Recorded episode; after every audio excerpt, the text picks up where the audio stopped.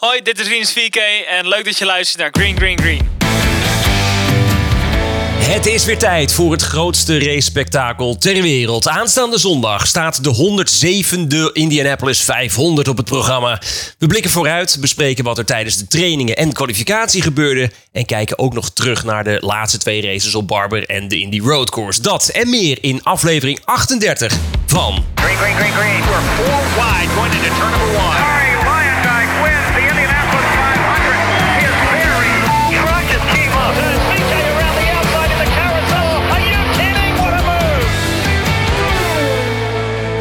Is Green Green Green, de podcast. Met Jeroen Demmendaal, Henry Faun en René Hoogterp. Ja, welkom en leuk dat je weer luistert naar de enige echte IndyCar podcast van Nederland. We hebben de kwalificatie voor de Indy 500 achter de rug en het veld staat vast. Straks nemen we de complete grid met je door en geven onze voorspellingen voor de race. Maar dat doe ik gelukkig niet alleen. Virtueel links van mij iemand die de afgelopen week meer dan 30 uur voor de televisie of het computerscherm of allebei heeft doorgebracht. Autosportschrijver Jeroen Demmendaal. Jeroen, hoe is het met de zenuwen? Ben je al een beetje gespannen voor zondag? Ik ben altijd gespannen voor de Indy 500. Eh, dat hoort erbij, hè? Ehm, maar, maar, maar, maar, de tweede helft van mei, dat is, eh, dat is mijn happy place. Want jongens, jongens, wat geniet ik van deze weken. Inderdaad, ik zit meestal met twee, drie verschillende schermen. Want ik moet natuurlijk race control, met de timing moet ik hebben. En ik moet het beeld hebben. En ondertussen, nou, eh, Twitter is ook nog bezig en WhatsApp is bezig. En heerlijk. Een beetje werk misschien ook? Of, eh? Ja, maar dat komt daarna wel. Eh, nou, het voordeel is namelijk, het, het, het vindt allemaal s'avonds plaats. Hè, dus dat Nee, scheelt. dus ik kan overdag doe ik gewoon mijn werk. En dan in de avonduren, vanaf een uur of vijf, dan, eh, ja, dan slinger ik de streams aan. Nog ik uit, Heerlijk. ik in, zeg maar. Heerlijk. Heel goed. Lekker man, mooi.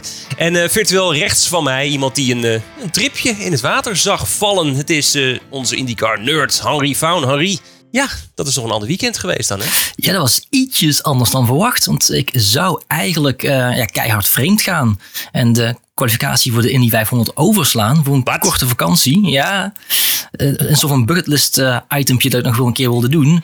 Namelijk de, naar de Grand Prix in Imola gaan. Ja. En er was iets ja. met regen, geloof ik. En, en heel veel regen en overstromingen. En eh, nou, zo hebben ze, ik weet niet of nou de weergoden of misschien toch gewoon de autosportgoden zijn geweest. die ervoor hebben gezorgd dat ik in ieder geval nog de, gewoon de kwalificatie weer kon zien. Want nou, de race ging niet door. Mijn tripje ging ook niet door. En zit ik wel hier. Heel goed. Nou, fijn dat je er in ieder geval eh, bent, Henry. Hartstikke goed.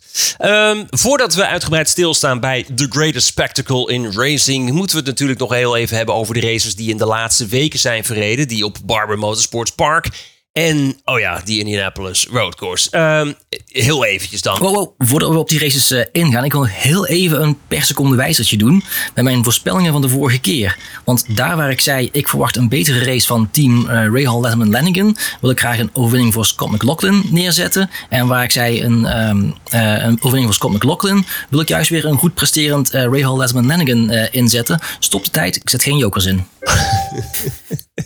Nou goed, heel even kort dan over Barber Motorsports Park. Grosjean met de pole position, zijn tweede pole van het seizoen. Maar McLaughlin die won dus op strategie en bovenal een geweldige inhalactie. Laten we dat natuurlijk ook niet eh, vergeten. En dan moet hij het hier doen. Moet hij hier aan de binnenkant zitten. Dan moet hij hem hier aan de binnenkant gooien. Nu, nu, nu. Ja, die deur wordt keihard dichtgesmeten. Natuurlijk wordt hij dichtgesmeten. Nu aan de buitenkant komen. Nu dan. Zet hem aan de binnenkant. Grosjean gooit een auto ertussen. En was het tranendal in St. Piet. Nu pakt hij hem terug. Ja, een hele goede actie hoor van Grosjean. Grosjean, Grosjean verremt zich. Nee, dit is het foutje waar McLaughlin op wachtte. Nee hoor, McLaughlin er voorbij. En Scott McLaughlin wint op Barber Motorsports Park zijn vierde overwinning uit zijn IndyCar carrière. Ja mannen, wie staken er positief bovenuit? Wie viel er tegen, Henry? Ja, ik denk eh, eigenlijk zowel McLaughlin als Grosjean staken er toch wel heel erg bovenuit. Allebei met een andere strategie. Maar samen reden ze iets van 20 seconden voor op de, nummer 3. dus nou ja, eh, die eh, drie stopper die werkte voor eh, McLaughlin. De twee stopper werkte net niet voor Grosjean, die normaal wel altijd werkt op Barber. Ehm, maar ja, dus één van de twee had ook gewoon met overmacht kunnen winnen als, ehm, als het iets anders had gelopen. Ja, en ik denk dat we, als we het over de tegenvallers hebben, dat we het toch gewoon over Rinus VK en vooral Ed Carpenter Racing moeten hebben. Ehm, want ja, we hadden natuurlijk allemaal verwacht dat ehm, Ed Carpenter Racing en Rinus in ieder geval op Barber, hè, waar ze vorig jaar natuurlijk eh eh, pole reden en uiteindelijk op het podium eindigden, dat ze daar weer een resultaat konden halen. Ehm, en de, nou ja, hij, hij zette zijn beste kwalificatie tot op dat moment neer. Eh, reed een hele degelijke, maar eigenlijk ook een hele anonieme race. En dat had volgens mij vooral te maken eh, met het feit dat ze hem op die twee-stop-strategie zetten. Eh, het was voor mij eigenlijk onbegrijpelijk dat ze hem daarop lieten vertrekken. Gezien de bovenmatige bandenslijtage in de trainingen. Ehm, want dat kost hem vooral aan het einde van zijn stint echt bakken met tijd. En je kunt je afvragen of het niet gewoon veel beter was geweest als ze hem op drie stops hadden gezet. Want dan had hij en vrijer en gewoon voluit kunnen rijden. Eh, met betere banden en eh, zonder eh, benzine sparen. Maar goed. Dan hebben we het moedje van de kalender, de Indianapolis Road Course. Met een eerste pole voor Christian Lundgaard. Nou, fast forward nu, dan kun je dat bijna niet eens meer voorstellen. Maar goed, de eerste pole voor Christian Lundgaard kon die plek tijdens de race niet vasthouden. Uiteindelijk net buiten het podium gekomen. Maar wat een dominant optreden was dat van een, een Catalaan, hè Harry? Ja, Palo ja, domineerde gewoon. Hij zat er een, eh, het begin al goed bij. En op een gegeven moment eh, ja, liep hij gewoon steeds verder uit. En ehm, nou, we hebben even de, de boeken op nageslagen. Deze overwinning komt gewoon in de top 5 van grootste marges tussen 1 en 2. eh, sinds de introductie van dit eh, DW12 chassis in 2012. Ehm, en dat lijstje voert hij trouwens ook zelf aan. Want zijn winst van Laguna Seca vorig jaar, dat was de allergrootste marge tussen 1 en 2. Ja, en we hebben ooit Rossi nog gehad op eh, Road America een paar jaar geleden. Dat was ook een enorm dominante.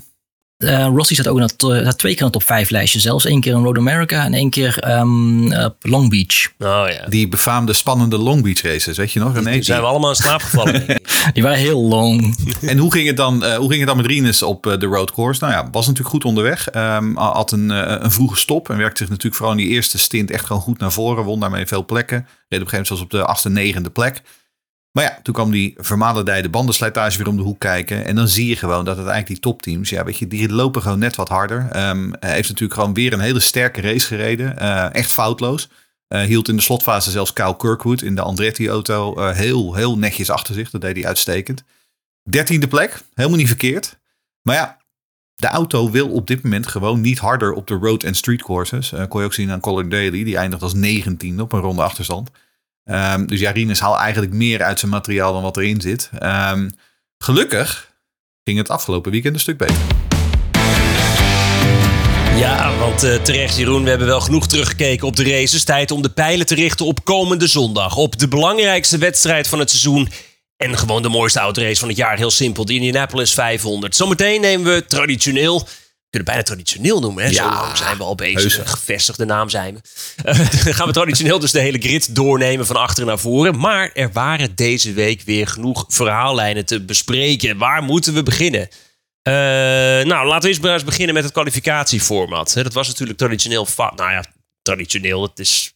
Elk jaar is Dat het weer ander traditioneel. bestaat niet meer. Maar het was ooit Fast 9.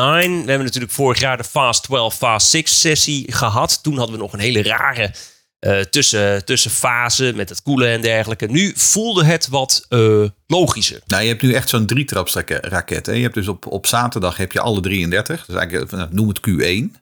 En dan vervolgens op, op de zondag krijg je dan eerst de Fast 12 en dan daarna de Fast 6. En dan krijg je tussendoor ook nog die Last Row Shootout. Maar je hebt dus echt een Q1, Q2, Q3-achtig. eh en dat hebben ze misschien wel een beetje afgekeken van de Formule 1. Maar dat werkt natuurlijk wel gewoon goed. Hey, is dit niet de F1 referentiebel? Eh, maar dat zorgt er natuurlijk ook voor dat er ook gewoon extra spanning in komt. Ehm, want het was natuurlijk in het verleden ook nog zo dat je op een gegeven moment, volgens mij voordat we deze hele kwestie hadden, dan moest je twee keer gewoon dezelfde tijd reden. Dan deed het eigenlijk niet toe wat je op zaterdag deed. Dat was, het, dat was een beetje voor, voor spek en bonen.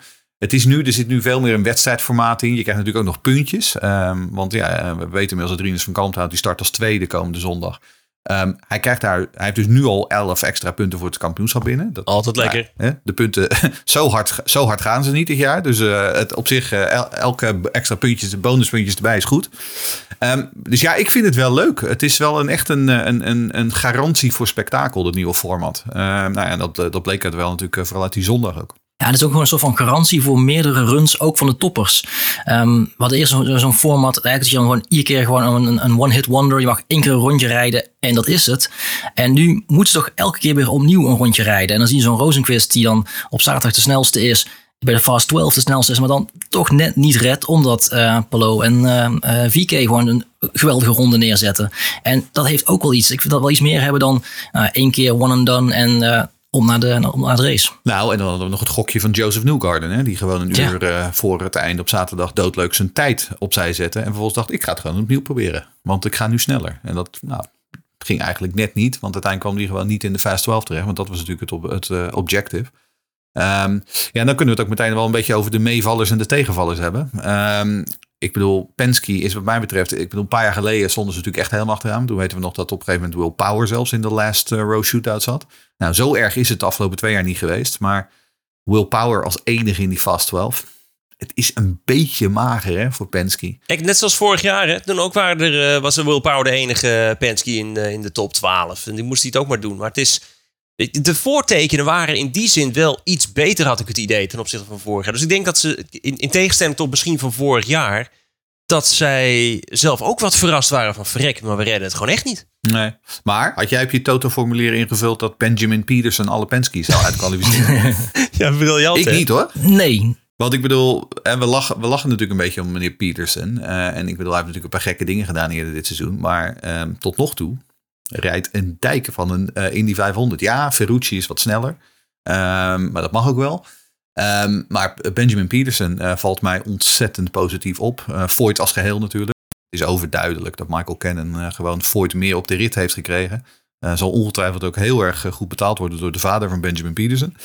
Dus eh, nee, Voigt staat wat mij betreft hoog op het lijstje. Ehm, ik was ontzettend positief verrast over Agustin Canapino. Ehm, die overigens ook gewoon wel weer mijn, eh, eh, mijn hart smolt weer iedere keer als hij voor de camera's verscheen van NBC. Het is zo'n heerlijke, sympathieke vent. En dan loopt hij natuurlijk in zijn Argentinië voetbalshirt geïnspireerde outfit rond. Ehm, dus ja, ik vond dat, ehm, ik, dat vond ik erg mooi. Ehm, ja, en natuurlijk, we moeten het ook gewoon over Ganassi en McLaren hebben. Want Ganassi en McLaren eh, zijn natuurlijk gewoon baas boven baas. Eh Rinus die staat ongeveer in zijn eentje eh, tegenover vier Ganassi's en vier McLaren's in de top 10. Ehm, ja, het is eh, heel, heel knap. Ja, als ik daar weer wat eh, negatiefs tegenover mag zeggen. We hebben natuurlijk eh Penske die dan, nou, noem het een meh-valler is. Dus niet mee, maar het is Een meh-valler. meh. Eh, Mooi. Maar tegenvallend, ja, Andretti viel tegen. Zo. Ja, en Ja. ehm Ray Hall Lanigan. Dat, dat, dat was gewoon drama eh, huilen met de kraan open. Kijk, en dat is het natuurlijk al even. We zagen het natuurlijk in Texas was het al slecht. Eh, vervolgens gingen ze naar de open test in april. Toen was het niet goed. Ehm, dus het zat er al wel een beetje in. Dat zei Graham Rail gisteren natuurlijk ook al na dat, na dat drama. Maar dat het zo slecht zou zijn. ehm, ik bedoel, het is het 30ste, 32ste, 33ste. Daar staan ze met z'n drieën. Het is echt, echt heel beroerd. En we, let wel, in 2020 wonnen ze de race nog. In 2021 waren ze met eh, Rail gewoon kans hebben. Nou, zullen we het daar maar gewoon meteen over hebben? Het drama Graham Rail. 30 jaar nadat zijn vader het ook niet haalde. ja, Eh, het is bijna alsof het zo was- moest zijn, zeg het- maar, 30 precies. jaar na. Mhm. Nee, weet je, kijk, die gasten waren veel. Ze zijn allemaal slecht. Het zit ook, weet je, het, het is niet dat zeg maar net als bij ECR dat zeg maar Rinus is heel snel, maar eh Daly en Carpenter zijn wat minder. Nee, het is gewoon across the board. Er zit gewoon iets fundamenteels fout in al die auto's. Dus ik denk dat ze veel en veel meer gericht zijn geweest om gewoon dat probleem op te lossen. Eh, en, en op een gegeven moment zei ze dat ook. Een van, een van hun engineers, eh, ik weet, ik, weet niet, ik weet niet wat zijn naam is, maar die zei ook: onze strategie nu in, in die last row shootout is om Stingray Rob eruit te duwen. Ja, dus om al- op, voor alle auto's het probleem op te lossen, zodat we uiteindelijk met z'n drieën doorgaan dat Rob eruit gaat. Ja, en dat lukte dus gewoon niet. Ehm, wat ik veel opmerkelijker vond, was het feit dat eh, er werd heel veel eh, eh, waarde gelegd over ja, maar je moet je motor koelen als je een run gedaan hebt. en vervolgens Jack Harvey denkt van ja, het zal wel, ik ga gewoon nog een keer. Ja, mooi hè? En, en plaatst zich vervolgens. Ik bedoel, dat is natuurlijk ook alweer, ook dat is weer de magie van. Hè? Le- leg het maar uit. Nou, ik denk gewoon dat Harvey zo traag ging eigenlijk, relatief dat het gewoon meer koelen was dan dat het zijn motor warm werd misschien. Maar goed, komt het toch komt het toch goed met Rail? Want ik bedoel, hij begint nu inmiddels ook zelf in interviews te hinten op een mogelijk pensioen. Ehm, dat hij het een beetje zat is om achteraan te rijden. Ik heb het idee dat, dat, maar dat is ook een aanname. En inderdaad, eh, het wordt gevoed dat, eh, dat hij wellicht wel zijn afscheid zou aankondigen. Maar het is een beetje lullig als je je afscheid moet aankondigen tijdens de Indy 500, terwijl je niet eens meedoet.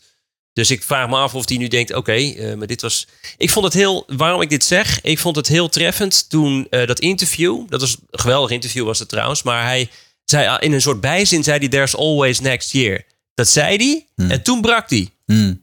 Kijk maar eens terug. Ja. Toen brak hij. Toen, kwamen de tranen. Toen, toen dacht ik, Mhm. er is geen Of volgend is er, jaar. is er een volgend jaar? Ja, Of, of juist wel dat hij nu denkt, nou, zo kan ik geen afscheid nemen, dus er komt een volgend jaar. Want inmiddels heeft hij ook op sociale media wel ook een bericht al getypt van ehm, eh, we komen eh, sterker terug volgend jaar of zoiets. Ja, tuurlijk dat verwacht je. Ze hebben natuurlijk altijd die vierde auto. Hè? Dus zelfs als hij zeg maar besluit ik ga niet meer fulltime door. Dan kan hij natuurlijk nog steeds, hè, à la, nou ja, noem, noem er een paar. Dat hij gewoon nog tot een lengte van jaren eh, als, Kanaan. als, als 500. Voor, ja, of Kanaan inderdaad. Of, of, een, of eh, tot, op, tot, tot recent Castroneves. Dat hij gewoon een, een 500 coureur wordt. Ehm, en hij is nog relatief jong. Hij is pas 34. Dat is natuurlijk Ja. ook het gekke. Hij is nog helemaal niet zo oud. Ehm, hij doet al wel 100 jaar mee. Maar dat is omdat hij net als Rinus Vieke op zijn 19 al eh debuteerde. Zeg ik iets heel geks als, ehm, als hij misschien zich zijn, zijn diensten misschien ergens anders wil gaan aanbieden dan bij zijn eigen vader? Oef. Maar wie wil hem hebben? Geen idee. Als hij nog wat sponsorgeld mee kan nemen, dan kan hij misschien bij een Ganassi instappen weer. Het, het zou wel een verhaal zijn. Maar ik, ik, ik, weet, ik, ik zie het moeilijk gebeuren. Ik zie eerder dat hij inderdaad gewoon een managementfunctie gaat, eh, gaat eh, pakken. En, eh, Nou, want hij is ook aandeelhouder in het team. Hè? Dat is Ja. ook zoiets natuurlijk. Ehm, het zou een beetje zijn alsof Marco Andretti nu opeens voor, voor Penske gaat rijden. Dat zou ook heel ja, gek dat zou sowieso gek zijn. ja, ik, ik wil eigenlijk één dingetje nog vooral eruit pikken. Eh, het, het, het, het potentiële drama van Junkos en Callum Island. En hoe ze dat hebben opgelost. Want eigenlijk hadden we al van tevoren allemaal gedacht... nou ja, eh, met net die problemen met het chassis... de vrijdagtraining opofferen... we hadden hem bij wijze van al neergezet. Die gaat het niet redden. En toch redden ze het gewoon. En hij stond ook gewoon woensdag, donderdag echt stijf onderaan, hè, lange tijd. Gewoon, en er zat echt geen snelheid in dat ding. En je zag gewoon dat hij, dat hij met, met, met geknepen billen die baan rondreed. En dan maar weer naar binnen. Ehm, en dat is zo gek, want vorig jaar hadden ze eigenlijk helemaal geen problemen. Vorig jaar plaatsten die zich zonder enige problemen. Ehm, en nu dat ze twee auto's hebben en er zit wat extra funding in. En opeens klopt dat ding gewoon niet. Terwijl Canapino, die, die reed als het ware fluitend in de rond. En dat ging prima.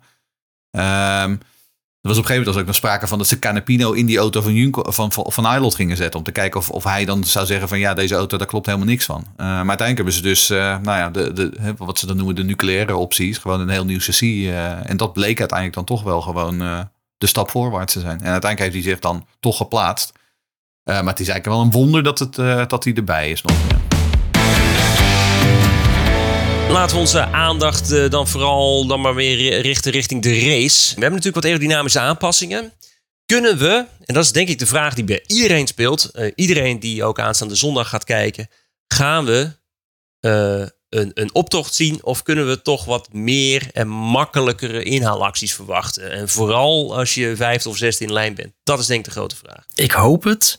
Maar de voortekenen zijn volgens mij nog niet heel gunstig. Als ik de meeste coureurs hoor, Award bijvoorbeeld, die zei van...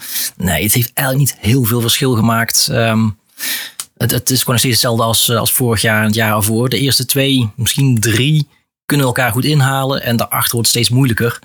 Ehm, nou, of het echt zo is in de race, ja, wie weet. Bedoel, Texas heeft het ook eh, positief verrast. Maar vooralsnog, nou, bereid je voor op eenzelfde race als vorig jaar. Dan kan het alleen maar meevallen. Nou ja, en uiteindelijk, weet je, ik bedoel, ik weet ook niet of ik zit te wachten op een race waarbij het alleen maar inhalen is. Ik bedoel, dat is weer het andere uitstel. Dat hebben we natuurlijk in, eh, nou, ik noem het maar gewoon de halfwoordsperiode, zoals we dat hier volgens mij bestempeld hebben. Ehm, en dat je met je kitcar in de rondreed met al die spoilers en al die... eh, Toen, ja, toen ging het heel makkelijk. Maar dat waren ten eerste zagen die auto's er niet uit. En ten tweede, weet je, een, een, het is een beetje als een DRS-inhaal, inhaalmanoeuvre. Het, het, het, het, het betekent eigenlijk niks. Ja, kom maar met die bel. Hey, is dit niet de F1-referentiebel? En wat ik, wat ik wel kon zien, ehm eh, Rinus heeft heel erg getraind op het eh, zo dicht mogelijk op de, voorleg, op de voorganger eh, rijden. Dat kon je heel erg zien. Daarom zag je ook dat hij in de tijdlijsten eh, aan het einde van, van de race setup, eh, hij stond geloof ik dertigste of zo. Maar hij was helemaal niet bezig met tijden. Het enige waar hij mee bezig was, zeg maar, kan ik racen? Kan, hoe ligt mijn auto in verkeer? Eh, weet je, die snelheid die komt later wel. Nou, dat zagen we natuurlijk dit weekend ook. Die snelheid die, was, die, die, die zit er wel in. Maar ook hij zei, eh, dat- wat eh, om, om Henry's punt aan te stippen, dat als je ergens derde, vierde, vijfde in line bent, ja, dan wordt het al wel een stuk moeilijker inderdaad. En daarom is het voor hem natuurlijk een voordeel dat hij vanaf die eerste startrij start. Want dan zit je, als het goed is, nou ja, dan heb je niet zo gek veel auto's voor je. Totdat je de achterblijvers tegenkomt, maar dat is weer een ander verhaal. Ja, laten we dan toch over de run van Rinus hebben. En eh, eigenlijk het hele team van Ed Carpenter Racing. Hè. Ehm, die vielen eigenlijk ook in die zin tegen. Nou ja, in ieder geval eh Daly en Carpenter vielen mij tegen. Ja. Ehm, kijk, Daly heeft gek genoeg, eh, hoe, hoe boos hij ook was, maar hij heeft eigenlijk zijn beste kwalificatiepositie neergezet. Ehm, hij, heeft, hij heeft zich beter gekwalificeerd dan vorig jaar. Maar verwachten natuurlijk veel meer. Eh, op de Open Test was hij tweede algemeen. Hier kwam hij niet eens in de buurt. Ehm, maar Ed Carpenter zat vorig jaar natuurlijk wel gewoon in de Fast 12. Ehm, ja, die kwam er gewoon niet aan te pas. Terwijl uite- uiteindelijk Rinus echt gewoon met twee vingers in zijn neus. En zelfs eh, na dat eh, drama op de, op, de, op de zondagochtend toen de auto er, eh, ermee ophield. In de laatste tra- training.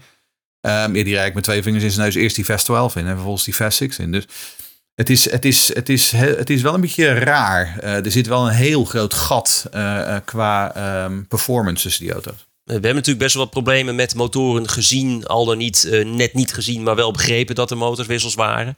Als we dan naar die vrijdag kijken en eigenlijk voorafgaand aan, die, aan de, de belangrijke kwalificatiedag op zondag, dan dachten we allemaal, Honda zit er niet bij. Honda gaat, die hebben echt problemen. Die hebben echt problemen. En uiteindelijk staat er toch weer, weer voor het derde jaar op rij een Honda op de pol. Hoe moeten we die lezen? Puur Ganassi dan dus. Nou, Ganassi, hè, dat is het. Ehm, en, en ook Ganassi heeft problemen gehad met hè. Precies, juist. Want Dixon, bij Dixon is er eentje stuk gegaan. Bij Palou is er eentje stuk gegaan. En dat weten een hoop mensen niet. Maar bij Ericsson is er ook eentje stuk gegaan. Alleen dat hebben ze een beetje stilgehouden. Maar die eerste run van Ericsson op eh, de zaterdag, die was niet goed. Waarom niet? Omdat de waterdruk er eh, eh, tegen het einde gewoon mee ophield. Hmm. Dus daar, daarom heeft hij ook een tijdje stilgestaan. En zijn ze wezen sleutelen, want dat was ook niet goed. Dus, nou ja, en toen dachten we van, nou ja, Honda. eh, Toen dacht ik van, nou mooi, Honda, die hebben, eh, die hebben het eh, moeilijk. Dat is goed voor Chevy en goed voor Rinus. Nou, en toen kwam zondagochtend en toen dacht ik, ah, karma. Ehm, dus ik, niet, nooit te vroeg jezelf rijk rekenen. Maar ehm, ja, die, die Honda's met uitzondering van de Ganassis vallen ze natuurlijk wel gewoon tegen. Want er staan wel meer Chevy's in die top 12 dan, dan Honda's. Ja, meer dan de afgelopen jaren ook gezien hebben. De afgelopen jaren was het toch, toch echt meer een Honda-feestje in de, in de, in de Fast eh 9, Fast 12. Ehm, en nu is toch de meerderheid eh, Chevy. Dan eh, de actie naast de baan. Dat is vaak bij de Indy 500 ook een dingetje. Namelijk de, de Somi-grappen.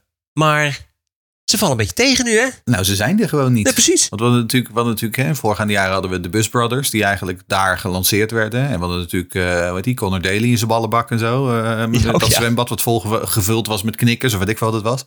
Ehm, het gekke is ook, zeg maar, dat je denkt van, nou, weet je, wat, wat we hadden het hier vorig jaar volgens mij over. Dat eh, is Connor Daly niet een beetje te veel met de randzaken bezig? Moet hij zich niet een beetje meer richten op dat racen? Nou, nu doet hij dat een keer. Ja. En dan brengt het hem nog niks. Hè. Dan zit hij nog steeds te vloeken over de radio. Twee plekken naar voren, hè? Tot zo'n vorig jaar, toch? Er zit wel frustratie in hoor bij die Ja. jongen. Dat merk je wel. Want hij, was, hij baalde er echt van dat hij gewoon. Want hij is geloof ik op zaterdagmiddag wel drie of vier keer naar buiten geweest. Eh, en dat kwam er maar niet uit. Het ging maar niet harder. De de vraag trouwens met die, eh, met die pranks die ze dan altijd uithalen. Zijn ze er niet of horen we ze niet? Want het was eigenlijk de- door de social media de afgelopen jaren natuurlijk iets meer dat je die wel hoorde. Want ik begreep al van ehm eh, Hinchcliffe, die dan zelf niet meer rijdt, maar wel nog steeds zo'n zo'n zo'n eh, eh, camper op, op het terrein heeft staan. Dat eh, Rossi daar wel iets mee heeft uitgehaald. En Hinchcliffe zei al van, nou, ik ga hem terugpakken, maar dat, dat merkt hij nog wel. Dus Ja, want ze deed ook altijd met die golfkarretjes, Ja. weet ik nog. Dat, dat golfkarretje van Hurt daar staat me er iets van bij ook op een gegeven Nee, moment. die stond toch ondersteboven ergens op of de wielen eraf of weet ik veel. Dat soort Ja, dingen, precies, toch? ja. Het kan nog, hè? Het kan nog allemaal. Het is wel een dingetje. Ehm, maar ja, goed, aan de andere kant, weet je, het is nog steeds wel natuurlijk een, een, een het is gewoon wel een fijne community. Ze hebben dat altijd wel naar hun zin. Ehm, ik weet bijvoorbeeld, ik kreeg van eh, Marijn eh, van Kalmthout, kreeg ik door dat Rinus op eh, zaterdagavond nog een potje aan het tennissen was, zeg maar, op het infield. Samen met Kirkwood en McLaughlin en Newgarden. Dus dat is dan wel weer leuk, weet je. En dat, en dat, ja, dat, dat zie je in de Formule 1 dan vaak niet voorbij komen, zeg maar, dat ze dat in de paddock doen. Eh, maar ja, in die 500 is altijd net, iets, net even anders. Laten we dan maar eens eventjes eh, kijken naar de grid dan. En beginnen we achteraan bij rij nummer 11. Jeroen. Ja, nou ja, rij 11, dat is, eh, we hadden het er net al over. eh, dat, die, die, dat stelt natuurlijk toch vooral gewoon het drama van Rail Letterman Lanigan Racing voor. en vooral het drama van Graham Rahal. Ehm we hadden dus drie van de vier RLL's in de last chance qualifying eh, gisteren. Ehm, alleen Catherine Legg, eh, die notabene niet eens een vaste coureur is, maar speciaal voor de Indy 500 is ingevlogen. Zij plaatsen zich wel. Eh, en de andere drie die moesten het uitvechten. Ehm, en uiteindelijk is het dus Graham Rahal die op zondagavond zijn koffers kon pakken. Ehm, en net als zijn vader inderdaad 30 jaar geleden, in 1993, kwalificeert hij zich niet. Dus wie is dan degene die uiteindelijk Rail de, eh, de das omdeed? Dat is Jack Harvey. Hij start dus als 33ste. Eh, stond vorig jaar ook trouwens al op de eh, laatste startrij. Dus eh, Jack Harvey en RLL en de Indy 500. Het is nog geen hele gelukkige combinatie. Ehm, hij, het is natuurlijk wel totaal tegen de verwachting in dat hij dit nog voor elkaar kreeg. Want ehm, ik had een paar minuten van tevoren, toen de klok nog op een paar minuten stond, toen dacht ik, nou het is gewoon klaar, het is over. Vooral omdat natuurlijk die ene laatste run van hem niet werkte. En tot mijn grote verbazing schroefde hij er gewoon nog een set onder. Eh, en, en dacht hij, ik ga het gewoon nog een keer proberen. En toen lukte het wel. Ehm, de chairman trouwens van de IMS, uh, Doug Bowles, die postte een heel mooi filmpje vanaf de hoofdtribune eh, tijdens die run. Eh, ik heb het via ons Twitter kanaal heb ik het geretweet. Eh, een tweet van Scott McLaughlin. Moet je even kijken. Echt heel erg mooi.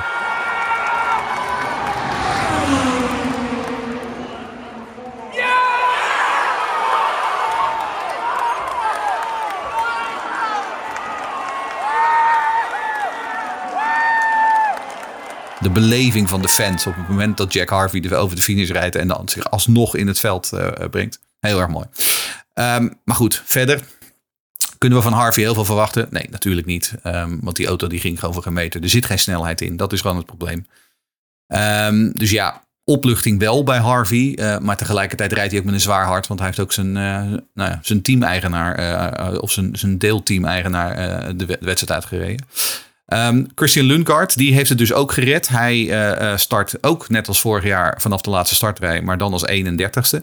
Ehm, hij was het meest ontspannen van de drie RLL's. ehm, omdat hij natuurlijk eigenlijk vanaf het begin al wel een beetje de snelste van, de van het setje was. eh, samen met Catherine Legg. Eh, nou is Lundgaard doorgaans wel redelijk cool. Maar goed, hij ging als eerste naar buiten in die last chance qualifying. Kwam niet meer in gevaar. Ik sprak gisteravond ook nog heel even zijn vader. eh oud rallykampioen Hendrik. Is normaal ook een hele coole kikker. Maar die zat er ook erg eh, met geknepen billen op de bank. Want die vond dit ook niet leuk hoor. Die, eh, die, dacht, die had het er alleen maar over wat een bizarre situatie het was. En wie staat er dan tussenin? Nou, dat is ons eh, aller Stingray Rob. Dat is de eerste rookie in dit veld. En Stingray Rob, ehm, die kennen we natuurlijk. ehm, hij heeft vooral, net als Maradona, met de hulp van God, misschien met de hand van God, wie zal het zeggen, heeft hij zich gekwalificeerd. Het staat zelfs op zijn aeroscreen. John 3 verse 16, versus 16. Eh, ja, we weten dat Stingray heel erg van de Heer is. eh, en, dat hij, eh, en dat hij daar heel veel inspiratie uit haalt. Nou, in ieder geval in dit geval. Hij mag zijn eerste Indy 500 gaan rijden. Maar eh, het wordt vooral gewoon een kwestie van geen brokken maken en uitrijden. Ja, zolang hij op zijn eigen eh, talent vertrouwt en niet alleen maar op eh, hulp van boven tijdens de race, dan eh, vind ik het allemaal prima. Ja, van eh, rij 11 naar rij 10. Ja, ik denk wel de, rij met de mooiste verhalen. Eh, we hadden het al over eh Islet, die daar samen staat met Enerson en, eh en ja, Leg kwalificeert zich dus als enige van het team van Rail Letterman Lanigan op zaterdag al. Ja, en dat is gewoon ontzettend knap. Rijden in die vierde inschrijving van het team. Ehm, dat, daar zit dus een crew omheen die in principe niet fulltime aan die auto werkt. Die zullen ongetwijfeld fulltime in dienst zijn bij, eh bij Ray Holden, maar dan waarschijnlijk wat sportscar-programma. Ehm, het is haar eerste deelname sinds 2013. Tien jaar dus niet in een IndyCar gezeten. Nou ja, die roest heeft ze heel snel van zich af, afgeklopt. Eh, ja, en meer dan dat zelfs. Ze mag sinds zaterdag de snelste vrouw bij de Indy 500 ooit noemen. Ehm, en op een persoonlijke noot, ik vind het altijd heel erg fijn en heel erg mooi om te zien als gewoon een dame meedoet. Minimaal één, het zouden voor mij wel meer mogen zijn. Eh 2011 volgens mij deden nog vier dames mee. Nee, maar dat is gewoon een, persoonlijk dingetje voor mij. Want ehm, bij ons in het huishouden, eh ik vertelde natuurlijk een paar afleveringen geleden, hè, dat wij eh, vroeger eh, Formule, Formule 1 en IndyCar keken op de bank. Dat deden we met mijn moeder. Dus eh, mam, als je luistert, hoi. Ehm, eh, zij was onze, eh, eh, ons opperhoofd die ons eh, eh, autosport gek maakte. Dus autosport en vrouwen en dames gaat voor mij gewoon hand in hand. En ik vind het dus heel erg mooi om ook te zien dat iemand op de baan eh, rondrijdt die niet man is. Dus dat eh, is eh, mijn persoonlijke touch daarbij. Heel goed. Eh Leg staat naast Enerson. Nou, dat is ook alweer zo'n mooi verhaal. Want hij wil zich ook gewoon op zaterdag kwalificeren. En met een volledig nieuw team van Able Motorsports. En waag het niet om weer dat nummer er doorheen te gaan monteren. Want ik heb het vier dagen in mijn hoofd gehad. Doe maar niet. Maar ehm Sorry. Able Motorsport, ze deden niet meer aan de, aan de open test. Eh, de eerste, dat heb ik nog niet eens genoemd, de eerste eh, trainingsdag die ging niet door vanwege regen. Toen moesten ze op woensdagochtend eerst nog de rookie orientation doorlopen. Dat betekende uiteindelijk dat ze nog maar 2,5 trainingsdag hadden om überhaupt, eh, nou, Enerson een beetje goed in, het gereel te krijgen. de auto af te stellen, voor te bereiden tot kwalificatie. Dus nou, iedereen had die ook al gewoon met potlood opgeschreven voor de last chance qualifying. Maar nee, up, in één keer door naar de, door naar de, de hoofdrace. Eh, ja, echt heel knap. Ehm, en ontzettend leuk voor RC. Want hij doet al heel veel pogingen, heel veel jaren. om eh, eindelijk zijn debuut op de Indy 500 te maken. Hij reed natuurlijk ook voor het eh, team met de beste naam Top Gun Racing. Ehm, maar ook tussendoor, in de jaren dat hij niet reed, was hij heel druk bezig om. ehm, om eh, ergens een zitje te bemachtigen. Nou, hij mag eindelijk zijn debuut gaan maken zondag. En op diezelfde rij, eh Islet, nou we noemden het net al, toen een dramatische week gehad. Iedereen had ook zijn, eh, de hoop opgegeven dat hij überhaupt, nou misschien dat hij de afvaller zou zijn in plaats van Ray Hall. Eh, maar gewoon toch eh, op de zaterdag meteen eh, gekwalificeerd voor de race. Ja, heel netjes. Zo is dat. En dan gaan we naar rij 9 met eh, drie mannen waarvan we tijdens de race misschien niet zo heel veel van hoeven verwachten. Het zijn Canapino, Devlin de Francesco en Stefan Wilson. Eh, beginnen met Agustin Canapino. Start dus één plekje voor zijn teamgenoot Callum Islet. Eh, laten we eerlijk wezen, dat is ook gewoon al een hele goede prestatie. Maar eh, we kunnen langzamerhand toch wel denken dat Canapino ons bijna niet meer laat verrassen. Want het maakt niet uit wat, het doet, wat hij doet. Hij doet het echt ongelooflijk goed. Het had alleen tijdens de kwalificatie een klein momentje waarbij hij uitkomen bocht 1 de muur een kusje gaf. Maar ook dan weer knap dat hij dan vervolgens de controle niet verloor in sturen 2. Dat vond ik wel heel erg indrukwekkend. Ja, het is, het is inmiddels het bekendste verhaal. Hè. Voorafgaand aan het seizoen gaf niemand te stuiven voor de kansen van eh, onze veelvoudig Argentijns toerwagenkampioen. Maar hij is echt de revelatie van het seizoen. Het doet gewoon heel erg lekker mee. Dat verwacht ik ook wel eh, voor de race. Ricardo eh Junkos, Groenkos zal hem als opdracht meegeven. Geen gekke dingen doen. Mijlen maken en ervaring opdoen. En eh, voor de gelegenheid, eh, we zagen het eh, zondag al, rijdt Canapino dus in het Argentijns blauw-wit gestreept. Om daarbij de wereldkampioen voetbal te eren. Toch weer pijnlijk. Maar goed. Next. de Francesco. Maar ja, daar kunnen we kort over zijn. Hij is zoals vrijwel altijd de traagste Andretti. Ja, tenzij hij ineens enorme sprongen vooruit gaat maken, zal dit zijn tweede en laatste in die 500 zijn voor Andretti. En misschien überhaupt wel on, überhaupt wel. Nou, tot zover de Francesco. Stefan Wilson, eh, daarover later meer. Want Stefan Wilson is natuurlijk de jongere broer van de jammerlijk overleden Justin Wilson in 2015. Hij maakte zich op voor zijn vijfde IndyCar, eh tenminste vijfde Indy 500 start. Eh, nadat hij eerder voor onder andere Andretti en Dragon Speed meedeed. Voor Stefan Wilson vooral een prestatie dat hij telkens weer een plek weet te bemachtigen. Eh, nu dus eh, samen met Cusick Motorsports als eh, co-entrant. Nou goed, dat team heeft hij zelf mede vormgegeven. En is dus elk jaar weer elf maanden bezig om het bij elkaar harken van genoeg sponsorgeld. Om zijn deelname te bekostigen. En redt het dus wel, ook dus gewoon om deel te nemen. Dit jaar dus met Dryer Randbold. Een team wat zich meestal alleen maar voor de Indy 500 inschrijft. Maar onderschat ze niet. Het is een goede organisatie met technisch personeel fulltime in dienst. Maar op het moment dat we dit aan het opnemen zijn, eh, zagen we Stefan Wilson eh, nou eh, min of meer horizontaal afgevoerd worden. Wel bij kennis, maar hij is dus eh, hij is in de muur geklapt samen met Catherine Lack. Dus eh, het is misschien wel prematuur, maar we moeten misschien maar afwachten of hij er wel bij kan zijn. Ja. Op het moment dat we dit opnemen, dat is maandagavond. Ehm, en daar komen we zo meteen nog wel even op terug. Want we hadden ook nog een vraag over, het, de vra- over waarom er zo weinig crashes zijn geweest. Nou ja, ook dat is weer, hè, je moet het niet jinxen. Ehm, maar daar gaan we het zo nog even inderdaad iets verder over hebben. Dan gaan we dus door nu met rij 8. Ehm, daar vinden we twee ervaren rotten en een jonge hond. David Malukas, hij mag starten tussen Simon Pagenaud, de winnaar van 2019... en eh, de grote vriend van onze voormalige host Frederik Marco Andretti, de polzitter van 2020 hangt nog steeds bij Frederik aan de muur in zijn kantoor. Ehm, Marco Andretti maakt zijn achttiende start. ehm, en doet daarmee dus eigenlijk al zijn hele leven mee aan de Indy 500. Won hem ook ooit bijna in eh, zijn eerste race.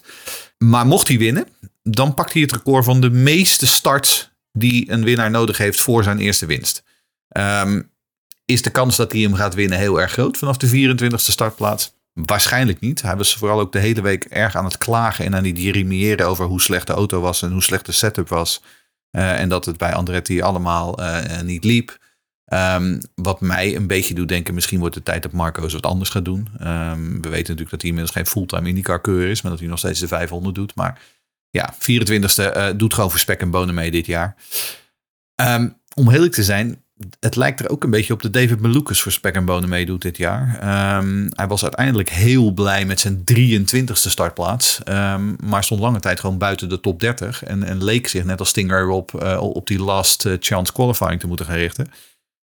Kwam uiteindelijk toch eh, eh, eh, al op zaterdag reed hij zich het veld binnen. Maar ja, vorig jaar startte hij als 13e. Haalde hij net de Fast 12 niet. Um, hij als beste rookie op een 16e plaats.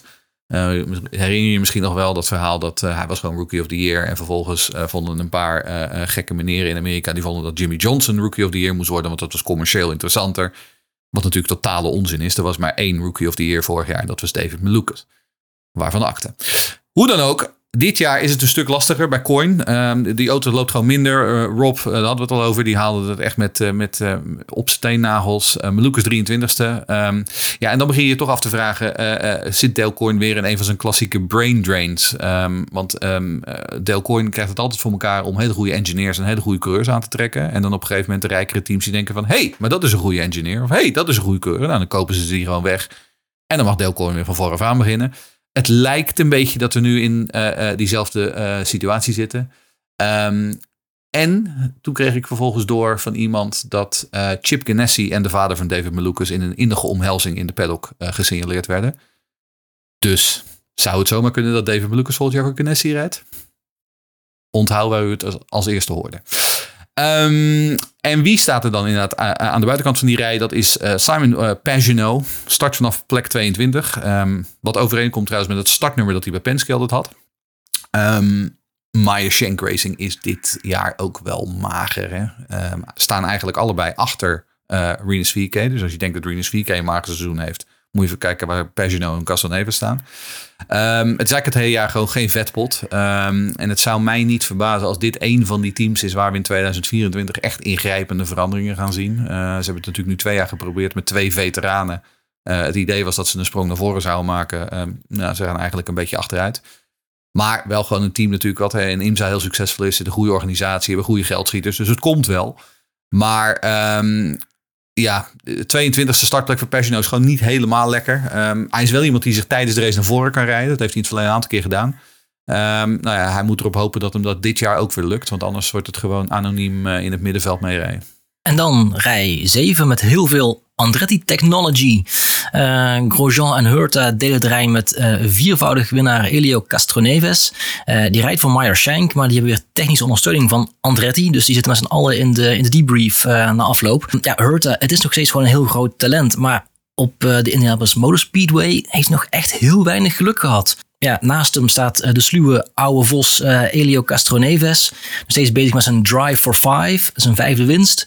En wat waarschijnlijk zijn laatste fulltime seizoen zal zijn. Jeroen zei het al, bij Mara Shank Racing wordt er wel wat verandering verwacht. En Castroneves zal toch waarschijnlijk wel het veld moeten gaan ruimen. Want nou, hij heeft dan het ene moment nog gehad met zijn, zijn overwinning in 21 bij de 500.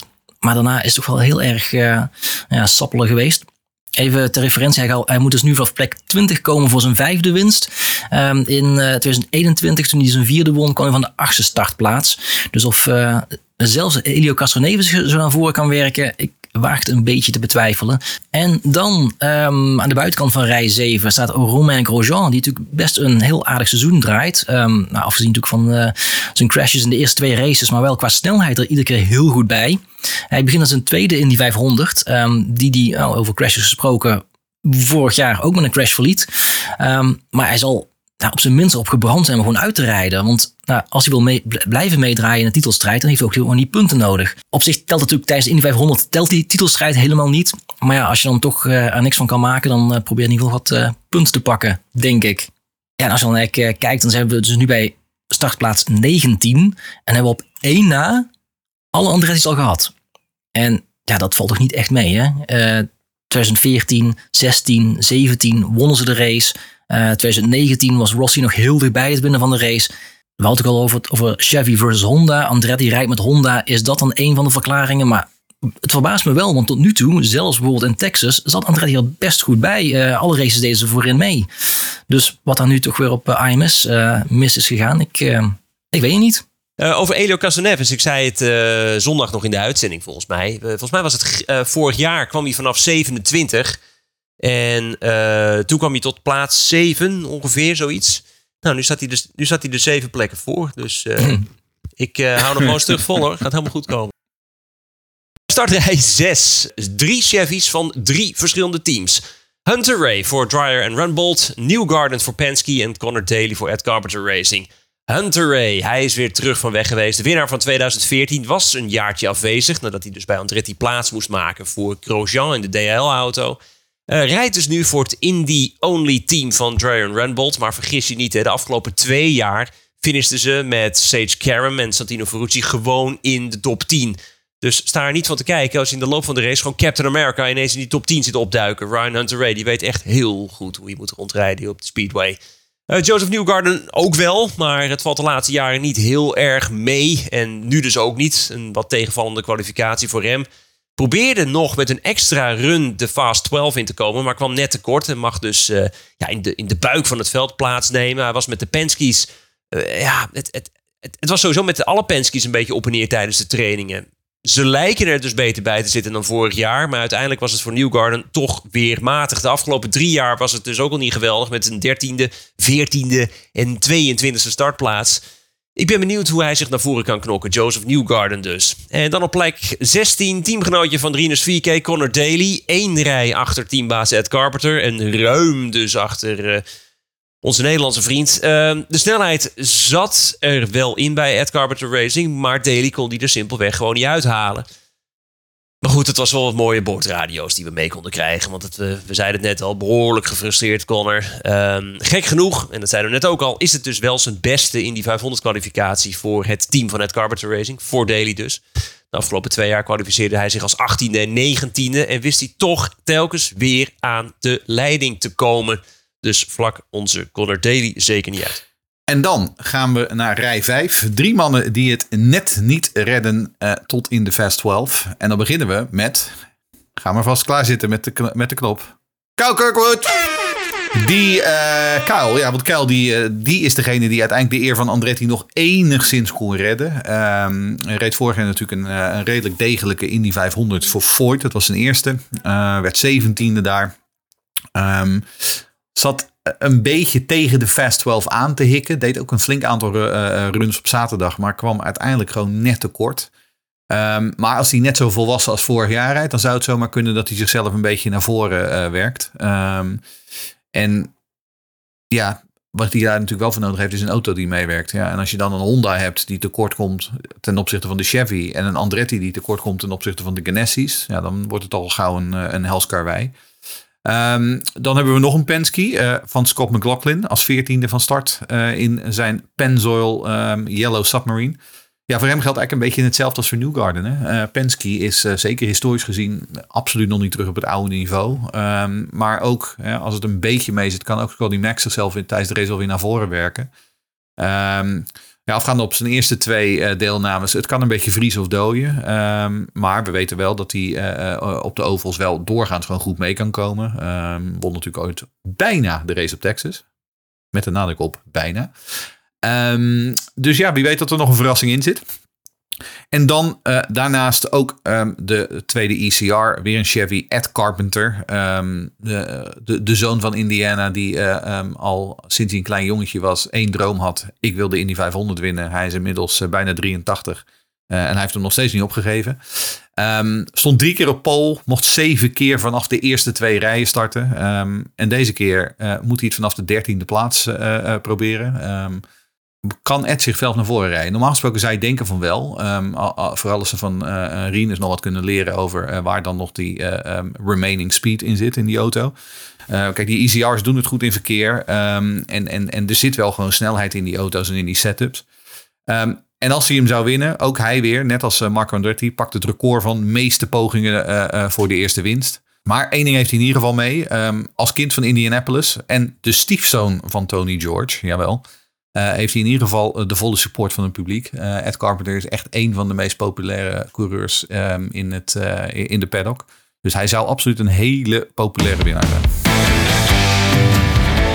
En met Ed Carpenter op plek 13 zijn we bij de host geplaatst, die zaterdag al klaar was. En voordat we naar de Fast 12 gaan, behandelen we nu eerst een eerste blokje vragen van jou, de luisteraar. Aan het einde van de show doen we natuurlijk het uh, tweede blokje. Het, uh, het, waren een hoop vragen, dus uh, alvast excuses als jouw vraag uiteindelijk niet bijstaat. We moeten toch een schifting maken. Um, zal ik gewoon de eerste pakken en bovenop het stapeltje. En dan komen we aan bij Duncan. Duncan vraagt, wat vinden jullie het mooiste van de Indy 500? De race of de kwalificatie? Bij de Formule 1 Grand Prix van Monaco vind ik de kwalificatie het mooiste van het weekend. Maar bij de Indy 500 zijn zowel de kwalificatie als de race geweldig. Dat zegt Duncan dus. Eh Henry, ik paas hem even naar jou. Nou als persoon die de kwalificatie bijna had overgeslagen, je misschien wel aanvoelen. Nee, ehm, nee ik vind de kwalificatie van, eh, van de Indy 500, ja, eh, omdat het vanwege het nou, altijd wisselende, maar wel altijd spannende format, zeker als het met bumping is, is het een heel mooi eh, evenement. Ehm, maar ja, de race is toch waar het om draait. Als ik jou nu vraag van eh, wie, eh, wie had de pole position in 2017, dan moet je gaan graven waarschijnlijk. Eh, maar als je vraagt wie won in 2017, dan zeg je Sato. Mij was Dixon pole zitten, maar dat weet ik toevallig. Maar dat, is echt, maar dat klopt wel, maar het klopt wel. Wat ik trouwens, als je dan hebt over een, een mooiste momenten, wat ik eigenlijk stiekem het allermooiste moment vind, waar wanneer het kippenvel bij mij het, het, het allerhoogste is op, op, op plekken waar een kip nooit geweest is, ehm, dat is zeg maar die voorbereiding. Eh, zeg maar een stuk eh, vanaf dat ze Back Home Again in Indiana gaan zingen, Start Your Engines en dan vooral die, ehm, die formation laps, die, of die parade laps. Als met z'n drieën naast elkaar rondrijden. Ja, het is misschien als je een keer geweest bent en je hebt het een keer in het echt gezien, dan ja, dat, dat doet het voor mij. Dat is echt zo'n kippenvelmoment. En dan gaat het los. En dan, ja, dat is natuurlijk wel een beetje business as usual. Maar vooral die opbouw, oh, dat, daar, daar geniet ik elk, elk jaar weer van. Ja, en vergeet de flyover niet, want dat hoort natuurlijk ook allemaal bij. En eh, de brass band en eh, Mary Holman, die ooit jarenlang riep... Gentlemen, start your engine. Het, is... ehm, het zijn eigenlijk twee verschillende evenementen voor mij. Ehm, het, ik weet dat het allemaal onderdeel is van de Indy 500, maar ik vind qualifying weekend ontzettend tof. Ehm, maar ik vind de race ook ontzettend tof. Wat dat betreft heeft Duncan natuurlijk gewoon helemaal gelijk. Oh, zie dat bij Monaco ook wel hoor. Al is bij Monaco wel zo dat de kwalificatie vind ik leuker dan de race. Ehm, maar het is... ehm, het, het zijn twee hele andere evenementen. Eh, maar als ik uiteindelijk moet kiezen, als je me voor het blok stelt, dan kies ik toch voor de race. Dat vind ik dan toch uiteindelijk wel, dat is mijn favoriet. ik denk ook, eh, ik denk voor ons allemaal wel de race. Maar wat ik vooral eh Henri eh, spunt over het feit dat er gepumpt werd. Dat vond ik ook echt zo'n extra dimensie geven. Dat zei ik ook al in de uitzending. Dat maakt ook opeens dat, hè, dat niemand zeker is op een bepaald moment op zaterdag. Dat, dat geeft gewoon veel meer lading. Het is zo'n andere kwalificatie dan vorig jaar. Toen iedereen toch al wist, joh, het is allemaal wel, we doen allemaal wel mee. Dan iedereen kon al lekker naar een race setupje gaan. We zien het allemaal wel. Dus eh, nee, in die zin natuurlijk de race is het allermooiste van, eh, van allemaal. Eh Henri, een vraag van Hidde. Ja, Hidde vroeg, ehm, eh, we hebben nog geen crashes gezien in de trainingen en kwalificatie. Is dat geluk of zit daar meer achter? En Robin wil weten, eh, is het ooit eerder voorgekomen dat na alle trainingen en kwalificaties er nog helemaal niemand is gecrashed? Eh, alle coureurs hebben het goed onder controle. Ja, die vraag die klopte toen we het tweetje uitstuurden eh, om, voor vragen, klopt die nog wel? Ja, inmiddels, Jeroen zei het al eerder, is er dus wel een crash geweest op de maandag training. Eh, Catherine Legg en Stephen Wilson gingen samen de muur in. Even afwachten nog het met eh, Wilson is. Nou, waarschijnlijk op het moment dat je dit hoort, dan zal je het al weten. Eh, wij zitten nog even in spanning. Ehm, maar ja, het toont aan een ongeluk in een klein hoekje. En als je dan vraagt van, is dat al een keer eerder gebeurd? Nou, volgens mij vorig jaar was het een beetje hetzelfde. Toen kwamen ook de eerste trainingen en de kwalificatie vrijwel probleemloos door. En toen ging het op Carb Day, op, op de vrijdag ging het mis met, eh met Hurta en volgens mij ook Malukas. Als er helemaal niks zou gebeuren tot de race, dan zou het denk ik wel een unicum zijn geweest. Ehm, ik kan niet heugen dat het er helemaal niemand de muur in is eh, gegaan. En eh, nou, dit jaar dus eh, ook niet. Ja, hoe komt dat dan? Ehm, ik denk dat je twee factoren kunt benoemen waarom het de laatste twee jaar zo lang goed gaat. Allereerst denk gewoon de kwaliteit van het veld. Ehm, ik denk dat gemiddelde, eh, gemiddelde coureurs die nu rondrijden een, een, een slagje beter zijn dan een jaar of 10, 20, 30 jaar geleden. En wat ook zal meespelen is denk ik het chassis waar we mee rijden, de DW12. Ja, die heeft voor niemand meer geheimen. Ehm, eh, de, zowel voor monteurs als coureurs. Ehm, ze weten hoe die auto werkt, ze weten hoe die in elkaar zit. Dus coureurs weten wat ze qua gevoel kunnen verwachten van een auto. Wanneer die eh, goed ligt, wanneer die niet goed ligt. Eh, monteurs die zullen niet snel nog een, een, een, een, schrouw- een schroefje of een boutje of een moertje over het hoofd zien. Want die kennen ze allemaal inmiddels wel heel goed. Ik denk dat dat de redenen zijn waarom het zo goed gaat. Je kunt je soms afvragen of ze bij Rail Lennon Lanigan wel die notitie hebben. Ah, die is zo flauw. En wat een mooi bruggetje ook naar de volgende vraag van, eh, van Ryan. Want die wil weten over de kwestie Ray Hall. Is het niet zielig om een fulltime driver de Indy 500 te laten missen? En hij zegt, kan dat niet anders? Eh, nou ja, dat kan absoluut anders. Ehm Graham Rail kan bijvoorbeeld sneller rijden. Ehm, want dan plaatst hij zich namelijk wel. Kijk, weet je Ryan, we hebben het hier over topsport. Zo simpel is het. Ehm, en Graham Rahal was ook de eerste om dat toe te geven. We waren niet goed genoeg. Zo simpel is het. Zijn vader, 30 jaar geleden, maakte exact hetzelfde mee. Eh, in 1994 waren de Penske's oppermachtig. Een jaar later helemaal nergens. Plaatsen zich allemaal, allebei niet. Al Jr. en Emerson Fittipaldi niet. Ehm, dit is Indianapolis. Je hebt, je hebt hier geen rechten. Je, hebt hier, je kan hier niet zeggen van oh, ik neem een abonnement op de race. Ehm, er zijn in het verleden wel discussies over geweest. Ja, moeten we niet inderdaad fulltime rijders een voorrang geven? Ehm, maar dat gaat eigenlijk tegen de spirit van Indy in. sterker nog, het mooie is juist dat iemand als Catherine Legg uh, hier gewoon aan kan komen. en zich uiteindelijk toch gewoon volledig op eigen merites weet te plaatsen. Ten koste van inderdaad haar teamgenoten.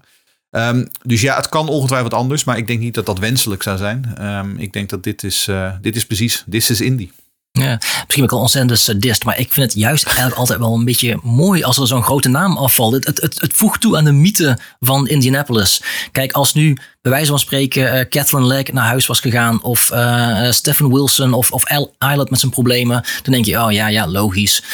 Maar juist dat een, een Ray Hall afvalt, dan denk je van, wat gebeurt hier? Ray Hall kwalificeert zich niet. Hinchcliffe, die een paar jaar geleden zich niet kwalificeerde. Fernando Alonso, die zich niet kwalificeerde. Dat, dat zijn juist de dingen die Indy mooi maken. PR-technisch is het geweldig natuurlijk als een grote man niet meegedoen met de 500. Ik bedoel, als Archie Enerson er niet had, dan hadden we het nu al lang niet eens meer over gehad. Nou, door. Nee, maar dat was... Dat hadden we natuurlijk twee jaar geleden. Hè? Nee, Want toen deed Archie Enerson niet mee. Omdat dat ding van Top Gun, dat ging over een meter. Uh, en die, was gewoon, die werd gewoon afgetekend laatste en 34ste. Of 35ste misschien hij zelfs. Um, en ja, weet je, en toen hadden we het eigenlijk gewoon ja, met, af, met uitzondering dan van een paar uh, Top Gun nerds. Had niemand het er meer over. Uh, maar dit is natuurlijk iets wat, wat heel veel repercussies gaat hebben. Um, ik bedoel, er gaan ook allemaal van de verhalen nu over van, dat hebben we uh, Andretti ooit nog een keer zien doen. Die hebben ook nog eens een stoel van Ford gekocht om Ryan Hunter alsnog de race in te krijgen. Uh, gaan ze nu Graham Rail in de auto van Jack Harvey zetten? Technisch kan het, want je kwalificeert de auto, niet de rijder.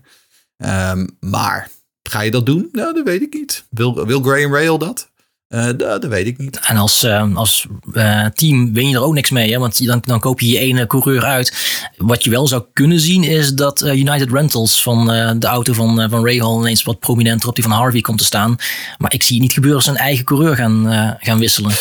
Nee, dat denk ik ook niet. Maar inderdaad, het is, ik ben het wel met je eens. Het is inderdaad het feit dat een grote naam inderdaad nu het onderspit delft. En dat is in het verleden vaker zo geweest. Ehm, maar we hebben zo nog een vraag over bumping. Um, dus een vraag, eh, die, die, pakken we meteen mee van Remco Hadders. Die zegt, vinden jullie ook dat we eigenlijk ieder jaar zouden moeten bumpen? Zeker, um, ja. Wat een spanning tijdens die laatste run van Harvey. Ja, ik, ik hou ervan. Um, ik geloof dat ik hier wel eerder uh, de loftrompet heb gestoken over uh, Bump Day. Um, en nu hebben we er één. Hè? ik bedoel, in de jaren 80 en de jaren 90 uh, dook er gewoon 50 man op op qualifying day. En dat laatste uur, die laatste twee uur op de vierde kwalificatiedag. Ja, want toen hadden we nog twee weekenden met kwalificaties.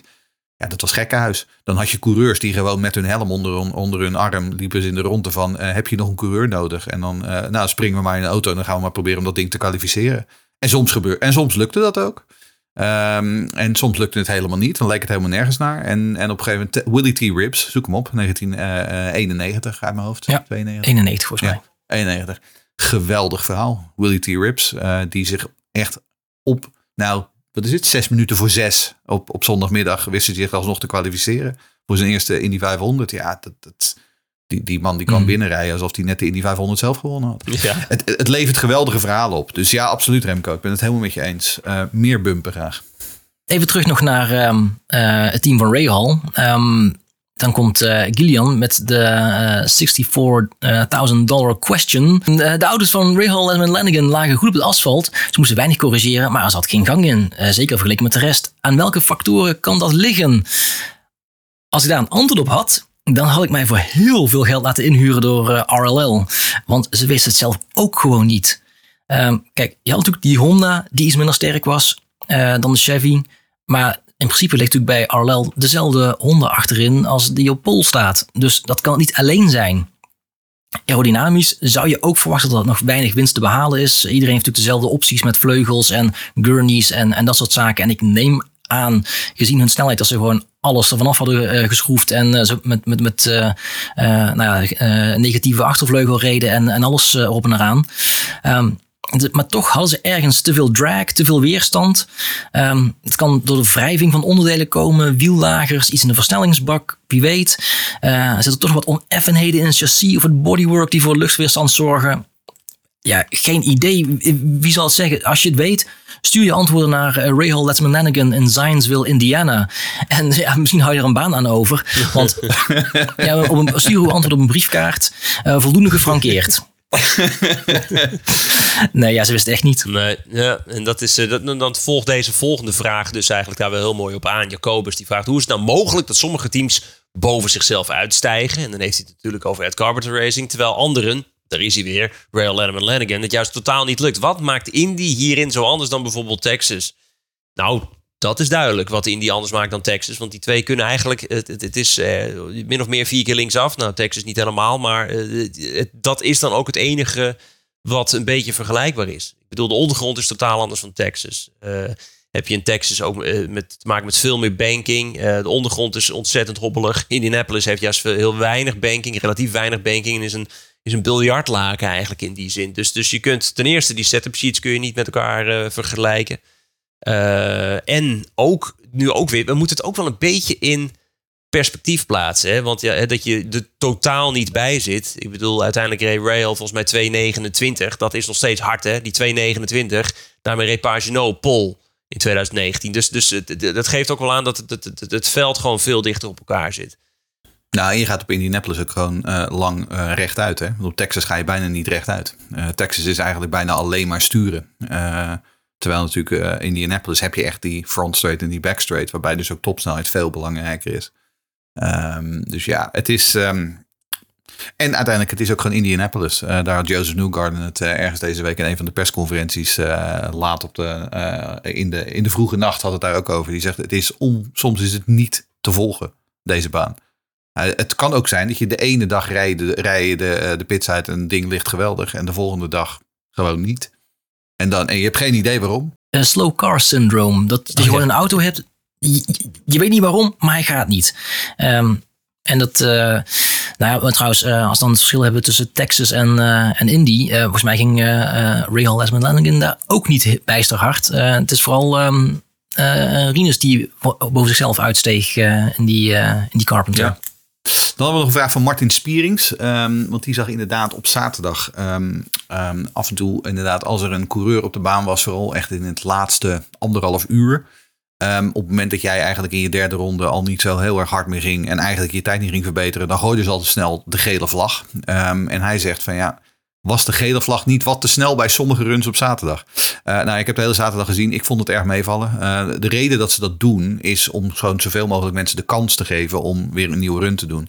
Dus op het moment dat jij, eh, in een, zoals ik zeg, al gewoon niet zo heel snel bent en je toch niet gaat verbeteren. Ja, dan kun je wel die hele run afmaken. Maar daarmee neem je weer kostbare tijd weg bij anderen. Dus de raceleiding, vooral in dat laatste anderhalf uur, dan reguleren ze dat wat strikter. Dan moet je gewoon overduidelijk verbetering laten zien. Anders is het, hup, Volgende. cancelen die run en naar binnen en de volgende. Dus eh, nee hoor, dat was eh, prima. Eh, nog een vraagje van Jacobus. Waarom gaan de rijders, als op het rechte stuk rijden, telkens iets richting het midden van de baan en gaan ze voor de volgende bocht weer naar buiten om de bocht in te zetten? Dat zijn toch meer meters? Nou, dat klopt, dat zijn inderdaad meer meters. Ik denk dat Jacobus vooral doelt op. Kijk, je ziet het vooral als ze echt richting einde ronde 4, dan gaan ze helemaal naar de, pit, de pitmuur. Nou, eigenlijk heel simpel. Ehm, je ziet het ook soms, eh, niet bij iedereen, maar wel bij heel veel. eh, zie je dat het stuur gewoon eh, in die zin scheef staat als we op het rechte stuk rijden. Dat heeft te maken met de verkanting. De, dus een auto wil automatisch eigenlijk naar links sturen. Dus wil je zo min mogelijk fr- frictie hebben, dan moet je hem eigenlijk gewoon het stuur loslaten. En dan gaat hij gewoon, dan, dan, dan, dan zweeft hij naar links. En dus heb je minder frictie. Meer meters, maar minder frictie. En onderaan de streep is dat nog altijd sneller. Ja. Ehm, en dan hebben we nog een vraag van Meike. En die zegt: Is er ooit wel eens een steen losgereden uit de Brickyard? En dat is dus die, eh, die streep met, eh, eh, met bakstenen, die er nog ligt als een herinnering aan toen de hele Indianapolis Motor Speedway eh bezaaid lag met bakstenen. Ehm, nou, in die tijd, dus dan hebben we het echt over de jaren 20, 30, uiteraard. Dat gebeurde de hele tijd. Je had in die tijd ook nog iets, dat heette board tracks, waarbij ze dus op inderdaad, ja, met gewoon als het ware over planken reden. Eh, dat waren ook eh, eh, banen met heel veel banking erin. En daar ze dan op volle snelheid overheen. Nou, af en toe dan liet er wel eens zo'n plank los. En dan opeens dan lag er gewoon een groot gat in de rijbaan. Nou, uiteraard inderdaad op Indianapolis hebben ze nog een tijdje geprobeerd. Dan gingen ze die bakstenen bij elkaar houden met teer. Nou, dat, dat ging dan ook een tijdje goed. En dan op een gegeven moment niet meer. Ehm, maar in de recente historie, eh, dan hebben we het over 2009, eh, is inderdaad eh, een keer een van die stenen losgekomen. En toen hebben ze zelfs een sessie stil moeten leggen, omdat de, de brickyard gerepareerd moest worden. Ehm, dus ja, het, het is een keer gebeurd, ehm, maar het was vroeger veel vaker voorkomend dan tegenwoordig. Ik vraag me ook altijd af, voelen ze nou die Brickyard eigenlijk als ze er over, er overheen rijden? Hoe, hoe, hoe voelt het aan? En zeker na 200 ronden, heb je niet gewoon een hele zere reet druk die klap maken? Nou, hij is ook, heb je hem gezi- wat heb je hem gezien? Eh, zoals hij erbij ligt. Hij is ook wel heel netjes afgeslepen. Hè? Het is niet zo dat ze er gewoon, dat je inderdaad een klein dempeltje. Dat is wat, wat je vroeger op San Diego had toen. Zo over die, eh, over die trein, eh die tramrails moesten. Ja. Ja, ja, ja. Nee, maar het is toch even, even een klein stukje klinkers. Ja, natuurlijk, dat is ook zo. Maar aan de andere kant, eh IndyCar rijdt natuurlijk hè, vooral op veel stratenbanen. Dan wisselen ze de hele tijd tussen cement en tussen asfalt. En, eh, dus ik bedoel, weet je, IndyCars zijn op die manier natuurlijk, die zijn ervoor gebouwd. Dus ja, je zal het wel voelen. En zullen we het anders eens een keer gewoon aan Rinus vragen? Hey, wat voel je, voel je nou eigenlijk als je er overheen vliegt? Of zweeft hij er eigenlijk overheen? Dat zou Ja, Rien is wel, die zweeft. Hè? Dat is eigenlijk een soort van eh, hovercraft. Rij nummer 4, want we gaan door met de startopstelling. We waren dus eh, gebleven bij die vierde startrij met de drie eerste afvallers uit de Fast 12. En dan hebben we het over Willpower, Benjamin Peterson en de regerend winnaar van deze wedstrijd, Marcus Ericsson. Ja, het kwalificatiebeest Willpower kwam wederom niet verder dan een twaalfde plaats. Eh, dat zegt natuurlijk veel meer over de snelheid van de Penskers in het algemeen. Maar goed, het is voor de winnaar van de 2018-editie nog altijd beter dan 2021, toen hij bijna uit het veld werd gebumpt. Om er even aan te geven, ook grote namen kunnen eh, zomaar op de wip staan. Benjamin Peterson, eh, nog zeker geen grote naam, maar had wel grootste prestaties deze week. Is de snelste rookie ooit op de Speedway. En start dankzij een, ja, een herboren Void als elfde dus. En dat terwijl hij dit seizoen nog niet heel veel spectaculaire dingen heeft laten zien. Eh, natuurlijk, die elfde plaats. Het zou eh, heel knap zijn als hij dat weet vast te houden. Eh, je houdt je ook een beetje je hart vast dat hij geen rare dingen gaat doen. Zoals dat we bijvoorbeeld in St. Pete zagen bij die startcrash. Maar het is gewoon een geweldige kwalificatie van Benjamin Peterson. En gewoon de beste Deen. Zo ook weer. Dat kunnen we ook niet altijd zeggen dit seizoen. Eh, Marcus Ericsson is de eerste van vier Genessies die we nog gaan tegenkomen. Eh, tot twee weken geleden was hij de leider in het kampioenschap. Eh, 26 van zijn laatste 32 starts eindigde hij in de top 10. Vond natuurlijk vorig jaar deze race. Ehm, je kunt hem gewoon niet uitsluiten voor de winst. Eh, dat bewees hij natuurlijk afgelopen jaar. En ook dit jaar eh, staat hij er eigenlijk gewoon voortdurend eh, goed bij. Dat over die Denen, hè, dat is toch een raar, ook weer zo'n raar statistisch dingetje. 105 edities lang heeft er geen enkele Deen op de startgrid gestaan. Vorig jaar hadden we de eerste, Christian Lundgaard. Nu hebben we de twee. En Christian Rasmussen, die rijdt nu in de Indy Lights en staat aan de leiding van de kampioenschap daar. Dus die is al op weg als nummer drie. Het is heel gek. Zo heb je helemaal geen Denen en zo zijn ze er opeens, kom je er niet vanaf. Dus ergens ergens in, wat is het dan, eh 2050? Ja, dan heb je alleen, Alleen maar Denen op de startgrid, ja. Deen Als die is, trend eh, zich voortzet wel. 500 champion. Ja, mooi. Eh, rij 3, Henry. Yes. ehm, Dat rijmt. Eh, nou, als je het hebt over Indy 500 winnaars, want natuurlijk net eh, Will Power op de, op de vorige rij en eh, eh, Marcus Ericsson. Eh, nu hebben we een rij met, eh, die helemaal gevuld is met eh, voormalig winnaars. Eh, drie coureurs, bij elkaar 41 starts tot op heden. Ehm, eh, en bij elkaar vier Borg Warner trophies. Dat zijn Tony Kanaan, Takuma Sato en Alexander Rossi. Ehm Kanaan bezig aan wat hij zegt dat zijn laatste Indy 500 gaat zijn. En dat moet je altijd maar afwachten, want dat heeft hij volgens mij ook al een keer eerder gezegd met TK's last lap of zoiets, of een final lap. Ehm, maar dit keer zegt hij echt met zekerheid dat hij afscheid gaat nemen. Eh, hij won in 2013, tien, eh, wat zeg ik, ja, tien jaar geleden, won hij eh, de race na twaalf keer proberen. Ehm, ja, kan hij het kunstje nog een keer opnieuw flikken? Vorig jaar eh, reed hij nog voor Ganassi, een hele mooie derde plek. Dus nou, McLaren zit er nu, waar hij nu voor rijdt, zit er gewoon heel goed bij. Dus het zou zomaar kunnen. Hij heeft ervaring. Hij is nog altijd een sluwe vos. Ehm, hij heeft alleen nog een beetje geluk nodig. Dat heeft hij niet altijd gehad. Ehm, dan eh, in het midden van de rij Takuma Sato. Ehm, die vond eigenlijk afgelopen winter een beetje verrassend ondanks bij Ganassi. Eh, die zagen we misschien niet helemaal aankomen. Eh, hij rijdt de ovals. Ehm, en dat is natuurlijk een hele gevaarlijke combinatie. Sato is goed op de ovals. Ganassi is hier gewoon heel erg goed. Ehm, en nou, dat zag je ook meteen in de, in de vrije trainingen. Twee dagen stond Sato helemaal bovenaan de tijdenlijst. Ehm, nou, hij won al in 2017 voor Andretti, 2020 voor Rahal. Nou, ja, 2023, het zou zomaar kunnen. Eh, hij is een echte absolute kanshebber. Um, vlak hem niet uit. Als je nog een, nog een euro over hebt bij een wetkantoor, wie weet. Eh, en dan Alexander Rossi. Die is eigenlijk ook altijd goed op Indianapolis. Ehm, hij won zijn debuut in 2016. Nou, toch een beetje verrassend en misschien een beetje geluk. Of in ieder geval met de hele goede strategie van Brian Herta. Ehm, maar sindsdien doet hij elk jaar in principe wel heel goed mee. Eh, vooral 2019 was hij heel dichtbij een tweede winst. Eh, in de laatste ronde het gevecht met Pagenaud. Heb ook al een paar keer volgens mij wat pech gehad met een eh, beetje slecht getimede caution. Eh, maar als hij het op zijn heupen heeft en hij gaat ervoor. Nou, het is een genot om naar te kijken hoe hij links en rechts en op, op plekken ehm, eh, mensen voorbij kan waar het eigenlijk niet kan. Ehm, ja, wie weet. Ehm, het zou zomaar zijn jaar kunnen worden. Een boze Rossi is altijd leuk om naar te kijken. Volgens mij was het, was het nou een paar jaar terug. Was het nou... Is het 20 dan geweest? Of, of dat, hij, dat hij een soort... Een, hij kreeg een soort drive-through penalty, kan ik me iets van herinneren. En dan moest hij zich terugwerken. En dan was hij zo boos over. En dan denk je van nou, lijkt me uiterst verstandig. Als je in deze fase van de Indy 500 een beetje rustig de herstart aandoet. Nou, die notitie had Rossi niet gekregen. Die ging echt gewoon drie, vier dik tussendoor, alles nog wat. Ja, een twaalf ronden later was het ook klaar. Maar goed, dat is dan ook weer Rossi. Dus dat was... eh, Toen ging hij opeens in de ja, nou, Ja. ontzettend verrassend. Goed, rij 2, Jeroen. Rijtje 2. Ja, dan zijn we dus aanbeland bij de Fast Six. De tweede startrij die wordt gevormd door Scott Dixon, Patricia Award en ja, het staat er echt. Santino Ferrucci. Ehm, ja, het werd dus geen derde pole op rij voor Dixon. Eh, het, het zou de eerste keer zijn in de geschiedenis dat iemand dat voor elkaar krijgt. Ehm, maar wordt het dan wel eindelijk zijn tweede zegen? Want hij heeft er nog steeds maar één. Wat natuurlijk eigenlijk voor een coureur van het kaliber Dixon een schande is. Vorig jaar had hij hem gewoon moeten winnen. Maakte hij één heel klein dom foutje. Ehm, daar krijgt hij waarschijnlijk nog steeds af en toe nachtmerries van. Wordt hij nog steeds badend in het zweet wakker. Ehm, want hij reed iets te snel eh, eh, in de pitstraat bij een van eh, zijn pitstops. Ehm, en dat kostte hem de overwinning vorig jaar. Hij heeft het record van de meeste ronden aan de leiding al op zak.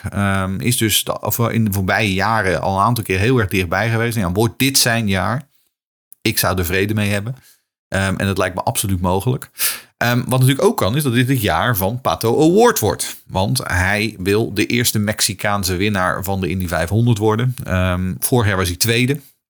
Ehm, reed hij vlak achter Marcus Ericsson. En toen in de laatste ronde, toen zat hij ernaast. En toen dacht hij, ga ik la Sato samen de muur in? Of word ik toch tweede? Uiteindelijk werd hij toch tweede. Eh, want Marcus Ericsson, die, wat er ook gebeurde, die, ging, die liet hem staan. Dit jaar zou het zomaar kunnen dat hij hem in zo'n situatie wel laat staan. Nou ja, en dat zou voor ons als toeschouwers alleen maar mooi zijn natuurlijk. Ehm, altijd goed op ovals. Ehm, de McLaren's eh, lopen als een trein. Ehm, ja, één ding weten we eh, zeker. Eh Pato Award rijdt altijd hè, met het mes tussen de tanden, zoals hij altijd zegt. Just send it. Dat is, dat is zijn motto, als we het dan toch over motto's hebben. Nou, ja. Met Pato Award is er altijd wat te beleven. Ehm, en dan ja, ehm, rijdt hij met het mes tussen de tanden of met een boksbeugel aan de hand met Santino Ferrucci. eh, weet je het nooit. Ehm, hij is nog steeds redelijk onuitstaanbaar. Eh, eh, ze zeggen in het Amerikaans wel eens van... he just rubs me the wrong way. Nou, dat is een beetje hoe ik over Santino Ferrucci denk. Tegelijkertijd, hij staat er wel gewoon. Feit blijft dat Voigt dit jaar in ieder geval op de Speedway... helemaal terug van weg geweest is. Eh, dankzij dus die, die eh, geniale ingenieur Michael Cannon... eh, die van Ganassi overkwam. En ik vraag me dan meteen af, hoeveel gaat Rail Letterman Lanigan bieden om Michael Cannon voor 2024 onder contract te leggen? Maar dat is hè, een klein hersenspinseltje. Ehm, ja, Als je een briefkaart stuurt. als hij een briefkaart stuurt. nou, dat zou zomaar kunnen inderdaad. Ja. Eh, en die vierde startplaats, ja, dat is dus verreweg de beste kwalificatie van Santino. Ehm, eerder is hij bij de Indy 500 niet verder dan een vijftiende startplaats gekomen. Ehm, maar in die vier keer dat hij hier gereden heeft, is hij alle vier keer eh, in de top 10 gefinished. En met een vierde plaats in 2020 als zijn beste resultaat. Nou ja, hij start nu als vierde. Dus waar gaat het eindigen? Ehm, kan hij eh, winnen? Nou, ik heb gekkere dingen zien gebeuren op de Speedway. Dus. En dan zijn we helemaal vooraan de voorste startrij die het veld naar de groene vlag mag leiden. Op de derde plaats Felix Rozenquist. Ja, dat Rozenquist snel is op de Super Speedway kwalificaties, dat weten we al. Pakte de afgelopen twee jaar ook pole in Texas. Maar in de races viel hij altijd wel terug. En dat risico, dat, eh, ja, dat, dat voorzie ik ook wel voor deze race. En ik denk ook dat Award en misschien ook Rossi naar een paar ronden voorbij komen. Maar goed, vorig jaar reed Rozenquist ook een hele goede Indy 500. Finishte net buiten het podium. Eh, als hij aan het einde bij zit, dan zal hij er alles aan doen om zijn stoeltje voor volgend jaar veilig te stellen. Want daar gaat het natuurlijk wel om. Hè. Hij is nog niet zeker van een zitje. In het midden van de voorste rij vinden we Rinus VK. Hij kwam vierduizendste van een seconde tekort voor de pole. Kan Rinus VK toch die kanontijd van Palou aanvallen? Dit gaat heel spannend worden. Oh, het zal heel weinig schelen. Het zal heel weinig schelen. Hij het niet. Het is niet te geloven. Het is zes. Duizendste weer. Yes. Zes duizendste van een mijl. Geloof je toch niet? Dit is vierduizendste over vier rondes. Vierduizendste van een seconde. Kan de ademhalen. Wat een geweldige run van Rinus VK. Vierduizendste van een seconde over 16 kilometer. Het is krankzinnig hoe klein het natuurlijk is. Prachtige prestatie was het om voor het derde jaar op rij op de voorste startrij te starten. Nadat hij bij zijn debuut ook al gewoon vierde stond. Hè. Dus het is eh, een ontzettend sterke prestatie van uh, Rinus VK. Daarover kwamen ook wat vragen binnen over hoe uniek dit dan is. Bijvoorbeeld van Marcel. Hoe vaak komt het voor dat iemand zich drie keer op rij op de front row kwalificeert? En Robin vraagt: uh, zijn er rijders geweest die net zo'n goede kwalificatierecord hebben op de 500 zoals Rinus met dus een vierde, derde, derde, tweede plaats? Ik had stiekem al, huis, stiekem al Ja. huiswerk gedaan. Ik had het grote eh, boek der Indy 500 statistiek erbij genomen. Ehm, en eh, daaruit lees ik voor. Drie keer op rij eh, op de eerste rij is niet uniek. Eh, maar het komt ook niet heel vaak voor. Eh, je moet eigenlijk vooral zoeken bij een paar van de grootste namen van de sport. Nou, natuurlijk Rick Mears, die eh, eh, het pole record ook heeft met het meeste aantal pole positions. Eh, Mario Andretti lukt dat echt in de nadagen van zijn carrière. Stond hij drie keer op rij op de eerste rij. Ehm, Bobby Unser, Scott Dixon, nou, eigenlijk allemaal winnaars. Als je nog heel ver terug wil in de jaren 20, Ralph De Palma. Ehm, maar het zijn overigens niet alleen maar winnaars die dat lukt. Eh, ook eh een Eddie Sachs, eh, een grote naam uit de Indie-historie in de jaren 50 en 60. En recentelijker Ed Carpenter. Die deed dat ook gewoon drie keer op rij, ehm, dat hij op de voorste rij stond. Ehm, dus nou, het komt wel vaker voor, eh, maar niet heel vaak. Als je dan hebt over een hele goede gemiddelde startplaats, eh, zeker in zo'n je eerste paar eh, races, dan moeten we ook even kijken naar Jim Clark. En heeft vijf keer meegedaan. Voor wie het niet wist, Jim Clark, natuurlijk de Formule 1 wereldkampioen. Ehm, heeft ook de Indy 500 gereden en zelfs gewonnen ook. Maar in zijn eerste vier deelnames kwalificeerde zich als vijfde, eerste, tweede en tweede. Dat mag er zijn. En ook Mark Donoghue, eh, een grote naam uit de jaren 70. eh, die heeft hem ook één keer gewonnen. Die was ook altijd snel. Eh, vijf deelnames en nooit slechter dan vijfde gekwalificeerd. Waarvan drie keer ook eh, op de eerste rij. Maar dus, nou ja, even het antwoord op de vraag in het kort. Het komt voor, ehm, maar het zijn vaak ook alleen maar de grote namen die dat lukt. Ehm, en een aantal grote namen lukt het ook niet. Ik noem een AJ Foyt, die het bijvoorbeeld nooit is gelukt om drie keer op rij op de eerste rij te staan. En dus meer dan eens dat we met z'n allen trots mogen zijn op wat dat ventje toch maar eventjes hè. Dat, eh, laat dat even duidelijk zijn. En eh, gelukkig eh, hebben we veel Nederlandse autosportfans die dat ook wel op waarde schatten. En dat hartstikke goed. Maar er was wel eentje sneller. Het was niet veel, maar het was genoeg. De man op pole position, Alex Palou, met de snelste poltijd ooit. Natuurlijk, is niet sneller dan die run van Arie Luijendijk. We hebben het vorig jaar natuurlijk ook over gehad. Omdat de poltijd van Dixon toen ook een polrecord was. Uh, maar die tijd was uiteindelijk niet een poltijd van Arie Luijendijk. Maar goed, uh, Alex Palou, hij is de man in vorm. Rijdt voor het sterkste team. En is misschien ook wel de favoriet uh, voor de overwinning. En ik zag net ook nog een leuk feitje binnenkomen. Alex Palou, rijdt in startnummer, met startnummer 10. De laatste keer dat er een nummer 10 pol trainde. Arie Luijendijk. Ik denk, hé, hey, dat vind ik leuk. Nou goed, daar doen we voor de rest niks mee, maar ik hou van dat soort feitjes. um, ook over de kansen op basis van statistieken kregen we vragen van Frank van Dijk en Rijn van Adrichem. Adrichem? Adrichem. Eh, die eh, beide vroegen hoe belangrijk een pol, een top 2 of de eerste rij voor een overwinning is. Statistieken, Harry. Nou, je hoeft niet van de eerste rij te starten, eh, maar het helpt wel. Van de 106 verreden races zijn er 45 van Pol gewonnen. eh, Van de eerste rij gewonnen, sorry. Eh, dus bijna de helft, eh, nou iets minder dan de helft, is vanaf de eerste rij gewonnen. Dat waren er 21 van Pol, 11 van P2 en 13 van P3. Eh, nou, laten we hopen dat na zondag dat rijtje wordt aangevuld met een twaalfde vanaf eh, P2.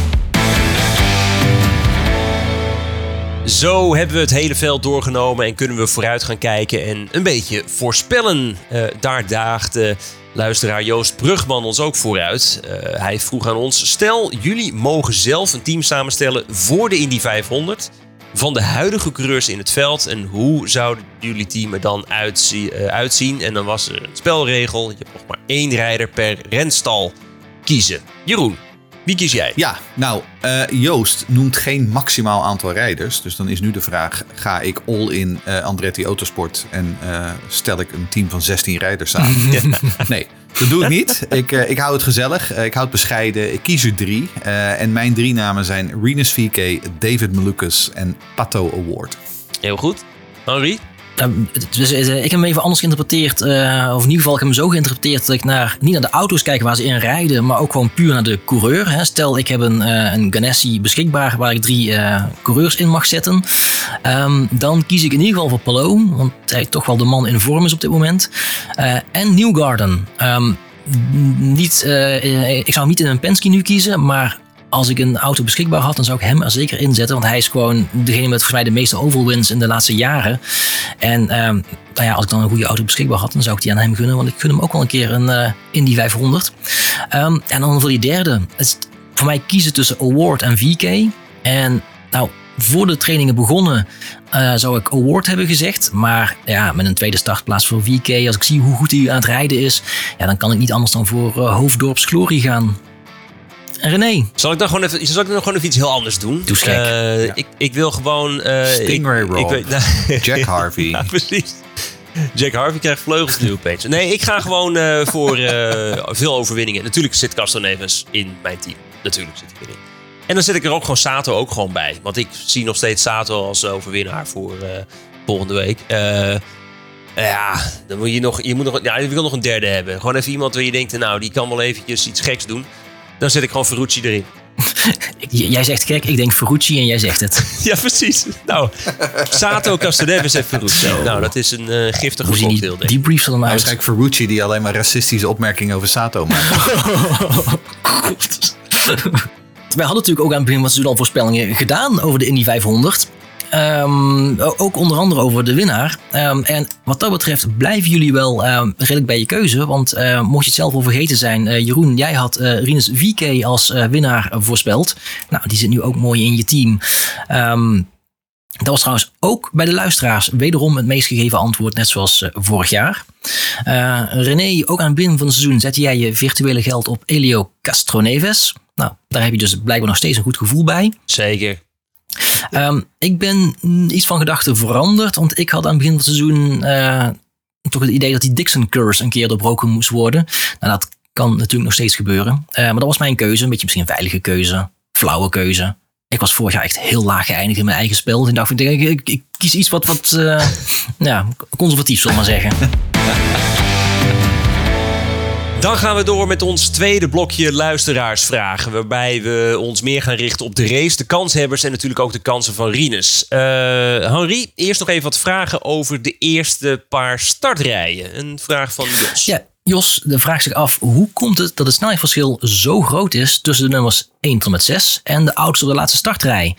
Ligt het aan de afstelling, rijder of een combinatie van factoren? En dan is natuurlijk het gemakkelijke antwoord een combinatie van factoren. Eh, All of the ja, above. nee, maar eerlijk is eerlijk. eh, ik denk zowel eh, Harvey, Rahal, Loengard, Stingray Rob. Die hadden natuurlijk vier ronden lang allemaal de klepel volledig naar beneden. Vol gas. Ik denk dat de coureur daar nog weinig echt groot verschil in, in heeft kunnen maken. Ik denk dat het materiaal toch wel de belangrijkste factor is. En dat komt op zo'n kleine details aan. Als je ook ziet, bedoel, we hebben het ook al over grote verschillen, maar we zijn net ook al, zoveel zit nou ook weer niet tussen uh, in, in, in, de, in de LCQ terechtkomen of in de uh, Fast 12 terechtkomen. Dat is een, verschil van, van 2 mijl per uur, geloof ik. Nou ja, probeer eens uh, op de snelweg um, 3, 4 kilometer harder te rijden. Je merkt het niet eens. Um, dus het gaat echt om hele kleine details. Details zijn altijd klein. Dit gaat om de kleinste details. Het moet ook wel in de auto zitten, want het is ook echt geen toeval dat er vier Ganassi's en vier uh, McLaren's helemaal vooraan staan. En dat er vier uh, Rahals helemaal achteraan staan. Dat zegt eigenlijk al genoeg. Um, dat zit gewoon echt in het materiaal. Zo is dat. En uh, er is nog een vraag binnengekomen, wat meer specifiek, van Jesse Noordermeer. Hoe kwam het dat VK, Palo en ook wel Rozenquist met toch wel een stuk verschil in mijn optiek sneller waren dan de rest in de Fast 6? Ik heb eventjes, uh, ik, had het uh, tijdens de kwalificatie heb ik het allemaal, uh, zoals je mooi kunt zien, nou dat zien jullie, maar dat, de luisteraars zien het niet, heb ik het allemaal bijgeschreven per ronde. Daarom kon ik ook gewoon per ronde kijken wat de openingsronde was. Um, Palo had natuurlijk die kanon eerste, die eerste ronde van Palo. Nou, dan hadden we allemaal, dat, dat duurde even voordat mijn mond weer dicht zat. Dat VK vervolgens praktisch hetzelfde deed, Allah. Maar het was vooral die openingsronde, daar maakten ze wel echt het verschil in. Dus ik denk dat het dat vooral, vooral het verschil was. Ik bedoel, Rozenquist die had een snellere laatste ronde dan Palo. Uh, sterker nog, Rozenquist die had absoluut de laatste, de laatste ronde was sneller dan wie dan ook. Uh, dus misschien was Rozenquist gewoon te voorzichtig begonnen. Kijk, dat Dixon en Award een volle, een volle mijl langzamer zijn in die slotronde. Dat is dan wel, uh, wel opvallend in die zin. Maar het is een volle mijl, daar hebben we het over. Het is eigenlijk helemaal niet zo heel groot. Nou ja, en Dixon zei ook dat hij een fout had gemaakt bij een van de upshifts. Uh, en dat kan al een heel klein dingetje hebben. Als je van 5 naar 6 gaat of van 6 naar 5. En wanneer je dat doet, doe je dat op het juiste moment. Hou je dan uh, de voldoende flow erin. Of zo, ga je dan toch één of twee mijl terug heel even. Dat kan al een verschil maken. Dat kan dus echt 0,006 mijl per uur over 20 mijl of over 10 mijl zijn. Ja, en uh, wederom een soort van uh, statistiekvraagje. Aangezien ik toch al bezig was met uh, de, het grote boek met alle Indie-analen. Um, vraag Cor Werkman, is het al eens eerder gebeurd dat er een volledig Europese first row was? En zo ja, wanneer? Nou, heel kort antwoord. Nee, nooit gebeurd. Het is de eerste keer. Primeurtje. Dan hebben we Thijs, uh, die kennen we op Twitter beter als Addicted to Racing. Nou, dat zijn we allebei, dus uh, dan ben je in goed uh, gezelschap, Thijs. Hij zegt, um, zou Palo toch blij zijn als hij nu nog een jaartje bij Ganassi moet blijven? Zou hij toch nog even goed nadenken als hij een mooi contract kan krijgen bij Ganassi? Of gaat hij gewoon naar Aero McLaren? nou ja, dit verwijst natuurlijk terug naar die hele soap die we vorig jaar zomer hadden. Um, ook hier kan het antwoord heel kort zijn. Um, Alex Palou rijdt volgend jaar voor Aero McLaren. Dat is een uitgemaakte zaak en dat wordt op uh, waarschijnlijk 1 juli of 1 augustus van dit jaar wordt dat officieel aangekondigd. Um, dat is in kan en kruiken, dat is over. Dat is allemaal met uh, de, de, de lawyers hebben dat allemaal uit onderhandeld. Dus nee, dit is absoluut het laatste jaar van Palou bij Ganassi. Dan gaan we richting de race. En dan beginnen we met Bas Oerlemans. Uh, en die heeft een vraag aan ons allemaal. Hij, uh, en dat is ook wel een vrij brede vraag. Hoe bepaal je een binnende strategie? Nou, dat komen we weer op dat punt van Henri. Als we dat zouden weten, dan zou ik hier niet zitten. Dan zou ik uh, veel meer geld verdienen in Amerika. Um, en welke heeft de afgelopen jaren tot succes geleid? Is het voor een groot deel mazzel als je de 500 weet te winnen? Of komt het toch echt neer op de voorbereiding? Um, ja, dit is een hele moeilijke en wat ik zeg brede vraag. Uh, want natuurlijk, er zijn zoveel variabelen uh, in, de, in die 500. Uh, dat wat jij dan tussen aanhalingsteken mazzel noemt, dat speelt natuurlijk gewoon een rol. Als de techniek, de, als de mechaniek niet meewerkt, ja, dan ben je al gezien. Dan, dan maakt het sowieso niet uit wat voor strategie je hebt. Um, maar ja, Tegelijkertijd, je hebt dan dus de variabele, je het maakt tijdens een Indy 500 6 à 7 pitstops. Dus dat zijn er veel meer. We hebben het hier niet over, oh, we doen een twee-stopper of een drie-stopper. Nee, je moet gewoon, je moet zo lang door dat je heel veel pitstops moet maken. Nou, tijdens al die pitstops kan er wat fout gaan. Vervolgens heb je natuurlijk wanneer valt de gele vlag, wanneer valt de gele vlag niet. Uh, hoeveel gele vlaggen krijg je? Dus er zijn zoveel variabelen. Het belangrijkste is denk ik dat je tijdens de wedstrijd snel kunt schakelen. En dat je tijdens de wedstrijden een aantal scenario's klaar hebt liggen. Dat je denkt van op het moment dat dit gebeurt, dan hebben we deze optie of deze optie. Ja, en dan gaat het erom, kun je de juiste beslissing nemen. En dan kun je natuurlijk naar historische data kijken. Je kunt kijken naar inderdaad wat dan op dat moment voor jouw specifieke situatie beter werkt. Um, dus om te zeggen dat er één winnende strategie is voor de Indy 500, um, dat is er eigenlijk niet. Wat wel heel erg helpt, is als je auto gewoon heel, heel hard gaat. Ehm, en dat is een voordeel wat in ieder geval Alex Palou en, en Rinus VK en Felix Rosenquist alvast hebben. Wat het wel is, hè, dan, dan even minder op strategie gericht, maar wel meer over hoe je zo'n race moet benaderen. Eh, de eerste, en, en dat moet ik ook vaak uitleggen, de eerste 100 rondes is het na u rustig aan, Ja. Brandstof besparen. Probeer die stint te verlengen. Want een, eh, als je elke stint, je noemde het al Jeroen, we hebben echt heel veel pitstops. Als je elke stint één ronde kunt verlengen, dan is na zes stints, zeven stints, is dat opeens bijna een derde van een stint. En dan heb je lekkere speelruimte. Eh, dus, dus je zult zien in die eerste helft van de race dat het allemaal vrij gemoedelijk gaat. Eh, rustig aan, dan, dan verlies ik maar een plekje. Ik vind het wel goed. Dat is heel anders in de laatste stint. Of eigenlijk de voorlaatste stint. Dan zul je het echt zien vanaf ronde nummer 150 of zo. Eh, dan worden er geen cadeautjes meer uitge- uitgedeeld.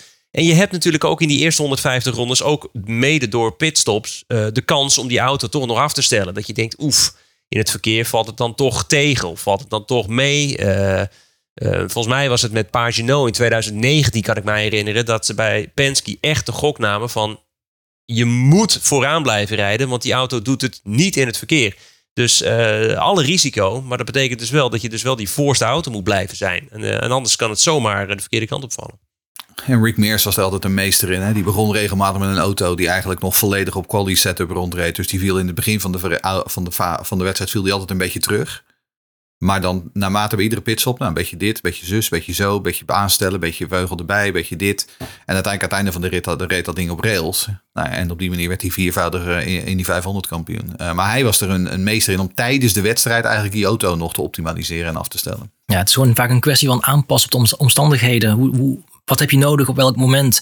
Ehm, als je één strategie eh, uitstippelt en denkt, dit moet hem worden, dan weet je zeker dat het er niet wordt. Ehm, eh, je moet je aanpassen op de gele vlaggen, op de omstandigheden, op de wind, op, eh, op, de, op de gripniveaus. En dan win je die race als je daar voldoende scenario's voor hebt eh, klaar liggen. Lieke Boltje vraagt wie worden de smaakmakers van de Indy 500? Oftewel, welke dark horses moeten we in de gaten houden? En Tom Plaum die volgt daaraan toe welke coureur van buiten de top 12 zien jullie als kans hebben voor de overwinning? Ja, Ja, helemaal niemand. Uh, Rinus gaat gewoon vanaf eh, plek 2 die wedstrijd domineren. En eh, iedereen eh snot voor de ogen rijden, hoop ik. Laten we niet. Nou, eh, eh, wat ik zeg, het, het enige wat, eh, waar ik me nog een beetje zorgen over maak eh, bij Rinus is het feit dat gewoon de techniek kan, eh, een beetje tegen kan werken. Want eh, het, het is toch, hè, in voorgaande jaren is het niet heel, eh, heeft hij eigenlijk gewoon ehm, daar al een aantal keer last van gehad. Eh, we weten natuurlijk ook bij ECR, die pitstops, dat blijft altijd een hoofdpijndossier. De ene race gaat het wel goed, de andere race gaat het niet goed. Ehm, maar ik denk, ja, als, als alles gewoon loopt zoals het loopt, dan eh, zou Rinus eh, zeker een smaakmaker moeten kunnen zijn. Ehm, ik denk dat Palo misschien wel de favoriet voor de overwinning is. Want de, ten eerste rijdt hij in een Ganassi. Ten tweede gaat hij gewoon veel harder dan zijn teamgenoten bij Ganassi. Ik denk dat dat de belangrijkste is. Ehm, terwijl bijvoorbeeld iemand als Marcus Eriksson, die lijkt het dit jaar gewoon echt net niet te hebben. Gewoon net niet. Ehm, en dan zit ik te kijken naar wie zit er buiten de top 12. En wie denk ik daarvan dat een ik zit ook te scrollen hoor. Ik denk ja. ik zit te kijken, eh, want ik heb nu heel mooi die, die print-out van de Indianapolis Star. Waarbij ze altijd met de fotootjes en de autootjes en zo. Die ziet er altijd heel mooi uit. Nou weet je, als we dan echt, echt buiten categorie denken. Dan zou, zou het kunnen zijn dat Helio Castroneves zichzelf naar voren rijdt. Ja, komt toch hoor. Zou het kunnen dat Scott McLaughlin zichzelf naar voren rijdt? Ik denk dat, ik denk dat het uit, uit die hoek moet. Een, een, van de Penske's. En dan denk ik dat McLaughlin er beter voor staat dan Newgarden. Ehm, of inderdaad gewoon een oude Vos als Castro Neves. Zoals die hem eigenlijk ook gewoon eh, twee jaar geleden won. Gewoon op een manier dat je denkt, ja, je, maar je zag hem de hele wedstrijd. Je zag hem steeds verder naar voren. Je zag hem eh, een beetje eh, wat ze altijd in het wielrennen linkerballen noemen. Daar is Helio Castroneves heel erg goed in. En dan opeens in de laatste 30 ronden, dan is hij er. Ehm, ik, ik, ik, en ook af en toe hè, via de strategie dan nog even een beetje slim denken. Dat je net even net iets, iets, iets korter kan stoppen. Of net even een stopje minder hoeft te maken dan de rest. Ehm, maar, zoals zo vaak. ehm, hè, ik, ik, zat, ik zat toevallig onze voorspellingen van vorig jaar terug te luisteren. Uiteindelijk, het is allemaal koffiedik kijken. Want het is gewoon, dat is, dat is een mooi aan deze race. Het is zo moeilijk te voorspellen. Eh, want in feite kan iedereen hem winnen. Want ja, ook Stingray Rob kan hem winnen als het heel gek loopt. Dat kan gewoon. En dat is het mooie aan Indy 500. De, de, de race kiest de eigen winnaar, wordt altijd wel gezegd. Eh, Ja, jij kan Ja. niet voor de overwinning gaan, je wordt gekozen voor de overwinning. En als het jouw dag is, dan is het jouw dag en dan, eh, dan kom je bovendrijven. Ehm als we het hebben voor Dark Horses, wat natuurlijk ook de vraag was. ja, is, is, Sato een Dark Horse? Ik denk misschien voor sommigen wel. Ehm, maar net zoals eh Ericsson vorig jaar een, een Dark Horse was, dan zou ik Sato die rol dit jaar toebedelen. Die kan er zomaar staan aan het einde. Sato en Rossi. Daar heb ik toch een sterretje achter staan. Op een. ja. Wordt leuk, maar we weten het niet. Ja, we weten het helemaal niet. Dat is zo hartstikke. En dan ehm, over Ericsson gesproken. Eh, Hidde, die had nog een vraag. Die zegt, is de Dragon, zoals Ericsson dat vorig jaar uitvoerde, te verslaan? Of wil je nu eigenlijk echt vooraan rijden in de laatste ronde bij een herstart? En dan denk je, de Dragon, ja, dat is natuurlijk dat slingeren over de rechte stukken. Eh, wat, je, wat je dus nog, misschien nog herinnert van vorig jaar. We hadden een rode vlag, een paar ronden voor het einde. En toen dacht Marcus Ericsson, die dacht, ik rij fluitend naar die overwinning. En toen kreeg hij een rode vlag. En toen mocht hij weer helemaal van vooraf aan beginnen. Ehm, en wat ging hij toen doen? Toen ging hij dus, zeg maar, om proberen die draft te breken. Eh, want met Pato Award achter zich ging hij als het ware als een soort slang, als een soort dragon, oh, een Chinese draak, ging hij over dat rechte stuk heen zwerven. En als jij de eerste bent die dat doet, dan mag het. Dan ben jij degene die de racerichting bepaalt. En dan is het dus geen blokking. Want blokking is absoluut niet toegestaan in IndyCar. Maar als jij degene bent die, die het initieert, dan mag het. Ehm Pato Award a- na afloop, die, zei, die was er niet blij mee. Ehm, maar die zei ook van, ja, als dit dus toegestaan is, ja, dan ga ik dus ook mijn rijstijl hierop aanpassen. Nou, wat betekent dat dan? Ja, dat betekent dus dat hij zijn aanval anders gaat kiezen. Dus ik denk ongetwijfeld dat een aantal van die jongens die vooraan staan, dat die hebben nagedacht van, als ik nou in die laatste vijf à tien ronden terechtkom en ik moet eh, die, die, ehm, die, die toe doorbreken, hoe ga ik dat dan doen?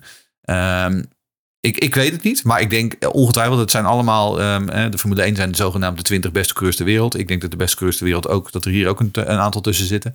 Ehm, en ehm, die gaan afvela- a- absoluut eh, eh, een, een strategie bedenken om, eh, om die tactiek te doorbreken. Maar ik weet zo 1, 2, 3 niet hoe je, hoe je dat doet nog. Dan Harry de Groot. Ehm, die vraag hebben we eigenlijk al een beetje beantwoord, maar hij kwam van Harry en van een aantal eh, verschillende variaties. Hoe hoog schatten jullie de kans voor Rinus met betrekking tot winst? Hij moet opboksen tegen het geweld van Ganassi en Arrow McLaren, die ruim vertegenwoordigd zijn in de top 10. Ehm, ja, klopt zeker. Ehm, daar moet hij tegen opboksen. Maar ik zie het ook natuurlijk iets anders. Want ja, hij moet opboksen tegen die teams. Maar die teams zijn ook gewoon vier aparte coureurs die elk voor hun eigen succes gaan. Dus ze kunnen vrij lastig een, een, een- teamstrategie voeren. Nou, ze kunnen misschien eh, iets met, met benzine besparen, af en toe een andere naar, eh, naar voren laten rijden. Maar dan kan Rinus dan ook gewoon van mee profiteren. Kijk, als je nou vraagt, eh, hoe groot is de kans van ECR versus Ganassi en Arrow McLaren? Ja, dan is de kans van ECR als heel team een stuk kleiner. Maar als Rinus gewoon een hele snelle auto heeft, dan kan hij gewoon met die jongens meerijden. En dan moet hij gewoon ertussenin nestelen. En dan hoeft het, het, het feit dat Ganassi en McLaren met vier auto's daar rijden, hoeft geen probleem te zijn. Want eh, kijk naar Ericsson aan het einde vorig jaar, toen reed hij ook als enige Ganassi nog rond eh, met meerdere McLaren's achter zich aan. Dat hoeft niet per se het probleem te zijn, maar ja, het is natuurlijk wel, ehm, als de ene wegvalt, dan is de andere ook nog die heel snel is. Ehm, dus dat, eh, ja, daar zal hij doorheen moeten komen. Hij moet gewoon vooraan blijven meerijden. Ehm, en in de laatste 50 ronden zien waar die is. En als we het dan daar toch over hebben. eh, Nick van Ruiven wil graag weten welke melk wordt het dit jaar voor Rinus. Ehm, ik had dat nog niet kunnen vinden. Dus ik heb even een, eh, een appje naar Indianapolis gestuurd. Ehm, en het antwoord is Rinus kiest voor volle melk. De witte motor. Serge en Ronald van Bakel die vraagt hoe komt het toch dat ECR wel een goede auto kan neerzetten voor de 500, maar dat het het rest van het seizoen toch vooral armoe is. Zelfs op de reguliere ovals lijkt het veel minder dan op Indy. Ja, een terechte opmerking. Het is echt een terechte opmerking. Het feit dat Ed Carpenter Racing het wel hier goed doet. Het is wel een opsteken, moet ik eerlijk zeggen. Het is natuurlijk een matig jaar geweest eh, tot op heden. Ik was nog bijna bang dat. eh, en het, nou, dat is misschien wel reëel. Dat je denkt, ja, maar hebben ze het dan hier misschien ook niet goed voor elkaar? Nou, dat werd eventjes keihard tegengesproken, gelukkig. Eh, aan de andere kant, Rines staat erin. Maar de andere twee Ed Carpenter Racers staan dus niet in de Fast 12. Ja, hoe komt het? Ja, misschien is het toch eh, een, een beetje one-trick pony. Eh, Wat we wel vaker hebben genoemd. eh. dus hoe het komt, ja. Hoe komt het dat het hier wel gaat? Ja, dat, ik, ik, ik ben bang dat dat ook een, een briefkaartje kan opleveren richting Indianapolis. Nou, ik denk dat een mogelijke verklaring nog zou kunnen zijn, ook omdat waar we het eerder over hadden met hè, de grote droom van Ed Carpenter, dat deze race gewoon als veel en veel belangrijker wordt gezien. Dat Ed Carpenter eigenlijk vooral in de IndyCar series rijdt, omdat de Indy 500 erin zit. Ehm, en dat dat de race is waar ze zich eigenlijk alles op richten. En dat de rest, ja, dat, ja goed. Hè. Er zijn er nog 16 en daar moeten ze, daar moeten ze ook me- meedoen. Maar ehm ik krijg toch een beetje het idee dat dit vooral de enige race is die echt telt. Ja, maar je hoopt niet dat dat de reden is. Nee, dat hoop je inderdaad niet. Maar dat is wel een beetje het gevoel wat ik erbij Ja. krijg. Ehm, nou ja, en dan een gerelateerde vraag. Eh, de- deze vraag krijgen we volgens mij eigenlijk voor elke eh, show wel een keer. Maar ik heb hem er toch weer even ingezet. Eh, want Michiel die vraagt eraf. ACR is een leuk team en zo. Maar als Rinus verder wil gaan met zijn IndyCar carrière, dan moet hij wel naar een groter team. De vraag is, zijn er al serieus gesprekken met andere teams? Of blijft het bij koffiegesprekken? Ehm, dan vraag ik me af, wat, zijn, het, wat is het verschil tussen serieuze gesprekken en koffiegesprekken? Want ik heb altijd hele serieuze gesprekken over een kop koffie. Ehm, nou, dit zijn van die dingen waarbij eh, sommige dingen moet je gewoon... ehm, nou, oh, daar moet je het gewoon niet over hebben. Eh, dus het zou kunnen dat er hele serieuze gesprekken bezig zijn. Eh, het zou kunnen dat het niet zo is. Maar mijn naam is Haas. Goed. Eh, tot slot nog een stukje eh curiosa van Dennis Broekhart. Wat nou als een team of coureur niet meedoet aan de traditie over de, de winnende coureur die dan niet melk drinkt, maar bijvoorbeeld sinaasappelsap? Of, Kun je eh, niks bij team voorstellen. Start de motor. Nee, daar kun je helemaal niks bij voorstellen dat dat ooit zou gebeuren. Of een team die start de motor voordat het commando gegeven wordt, krijgen ze dan een straf. Eh, Dennis die doelt natuurlijk op eh, Emerson Fittipaldi. Dat, is, dat zal dan nu 30 jaar terug zijn, 93? Ja. 30 jaar terug hè. Nou goed, in ieder geval Emerson Fittipaldi die had wat sinaasappelvelden. Of had aandelen erin, weet ik veel. Maar, maar goed, die pakte dus gewoon een, een, een, een, een, ja, gewoon wel een fles waar normaal melk in zit. Maar dan zat er gewoon jus d'orange in. Nou, ik vind dat... eh, ik vind het dapper. Heeft hij er natuurlijk daarna wel zijn excuses voor aangeboden. Het werd hem niet in dank afgenomen. En Het jarenlang heeft- het geboet. het heeft, het, het- ja, het, een beetje qua jongensstreekje vind ik het eerlijk gezegd. Ik vind het ook eerlijk gezegd een gemiste kans voor Marcus Eriksen dat hij niet een beker Husky Chocolate eh chocolademelk Ja, maar als je gewoon die over je heen gooit. Ja, dat, dat ziet toch niet uit? Dat is, dat is goor. Dat, Dat is ja. goor, ja. En hebben jullie, het, wel- hebben jullie het wel eens gehad? Nee. Hebben jullie het wel eens gehad, dat Husky Chocolate? Eh, nee, Is niet best hoor. O is niet te zuipen. Ik, ik, ik was er niet heel erg van onder de indruk. Ik heb het een keer uitgeprobeerd toen het hier in de supermarkt stond. En ik dacht, nou, nee. Je kan beter over je heen gooien. Maar eh, gooi het maar over je heen, ja. Of, in of gooi het in je tank, weet ik het. Weet ik, ik vind het ook goed. Eh, maar goed, het antwoord op de vraag is natuurlijk... nee, je krijgt geen straf, maar het is niet handig. Niet handig. Overigens, het viel me op dat er nooit echt iets over is gezegd met eh, toen Castroneves zijn vierde won. Dat ze een van een roze goedje in de melk hadden gegooid. En Ja, ja, een van de roze Kleurstof. Daar, daar, daar werd niks echt over gezegd. Ik vond, ik vond het ook niet per se heel erg. Maar ja, dat is toch ook deels breken met de traditie van de mooie eh, witte melk. Nou, en het wordt tegenwoordig ook gesponsord. Het wordt natuurlijk ook zoals sinds jaar en dag. Eh, net zoals alles bij, rond de Indy 500. Het wordt gesponsord natuurlijk door de Indiana Dairy Association. Eh, dus je zou denken dat daar inderdaad wel een van de sponsor meneer heel boos over wordt. Maar Ja, dat, ook. Dat is trouwens een heel ding, hè. Ehm, dat, dat gewoon... Er is altijd één boer wordt geselecteerd die de melk mag leveren voor de Indy 500. Die moet één jaar stage meelopen met hoe het allemaal werkt. En mag die het jaar daarna, mag hij daadwerkelijk de melk leveren. En als we het toch over vreemde trivia hebben. Het is natuurlijk ooit begonnen met ehm eh, Louis Meyer. Die een glas karnemelk wilde hebben. Maar dat kun je helemaal niet bestellen nu meer. Het kan, je kan alleen maar eh, eh, volle melk, eh, halfvolle melk en, en magere melk. Maar je kunt toch, butter, je kunt toch buttermilk Nee. bestellen? Wat een soort een Nee, vorm van... nee. nee, Ed Carpenter heeft hem wel in staan, maar officieel krijgt hij dat niet. Dat als extra opmerking staat er wat bij, kun je dat bijzetten van, van ik wil buttermilk. Maar officieel krijg je die volgens mij Want niet. chocolate, chocolate milk kan ook niet, geloof ik. Hè? Nee, voor voorgenoemde reden. Want uit als je diarree over je, over je hoofd krijgt. YouTube kijktip. Zoals gebruikelijk sluiten we af met de YouTube kijktip. Eh, Jeroen, volgens mij ben jij aan de beurt. Heb jij nog een, even een lekkere opwarmer voor eh, eh, het, het mooie feestje van aankomende zondag? Ja, ja, weet je, dat kan er maar één zijn. Hè? En mijn grote vrienden van Champweb, die begonnen er de afgelopen week al mee. Want die zijn natuurlijk al wekenlang bezig met oude Indy 500's aan het laten zien. Ehm, en toen zag ik opeens, daar kwam die, 1990. Onze grote vriend uit, eh, ja, inderdaad, uit Goeree over Vlakke, Arie Luijendijk. Die in 1990 natuurlijk als eerste Nederlander de Indy 500 won. Ehm, als je die race nog nooit gezien hebt, ehm, zet hem eens op deze week. Eh, het zijn prachtige auto's, het is een prachtige wedstrijd. Het is een prachtig evenement. eh, en uiteindelijk natuurlijk gewoon een geweldige winnaar. There's the main straightaway line ahead.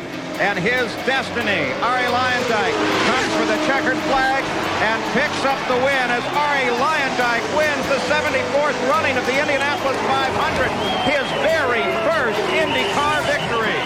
Een hele goede tip. Goed, dat was hem weer, eh, mannen. De enige echte officiële Green Green Green voorbeschouwing op de allermooiste race ter wereld. Komende zondag eh, vanaf 5 uur, en dan hebben we het over het programma op Ziggo Sport, gaan we dus warm draaien met het racecafé XXL op Ziggo Sport. Dus Eh, rond half zeven valt de groene vlag voor de 107e editie van de Indy 500. En hopelijk kunnen we na 200 ronden links afsturen een tweede Nederlandse Indy 500 winnaar begroeten. We zijn er in ieder geval na de race der races weer. Blijf ons tot die tijd volgen op Twitter via @indypodcastnl. Tot dan.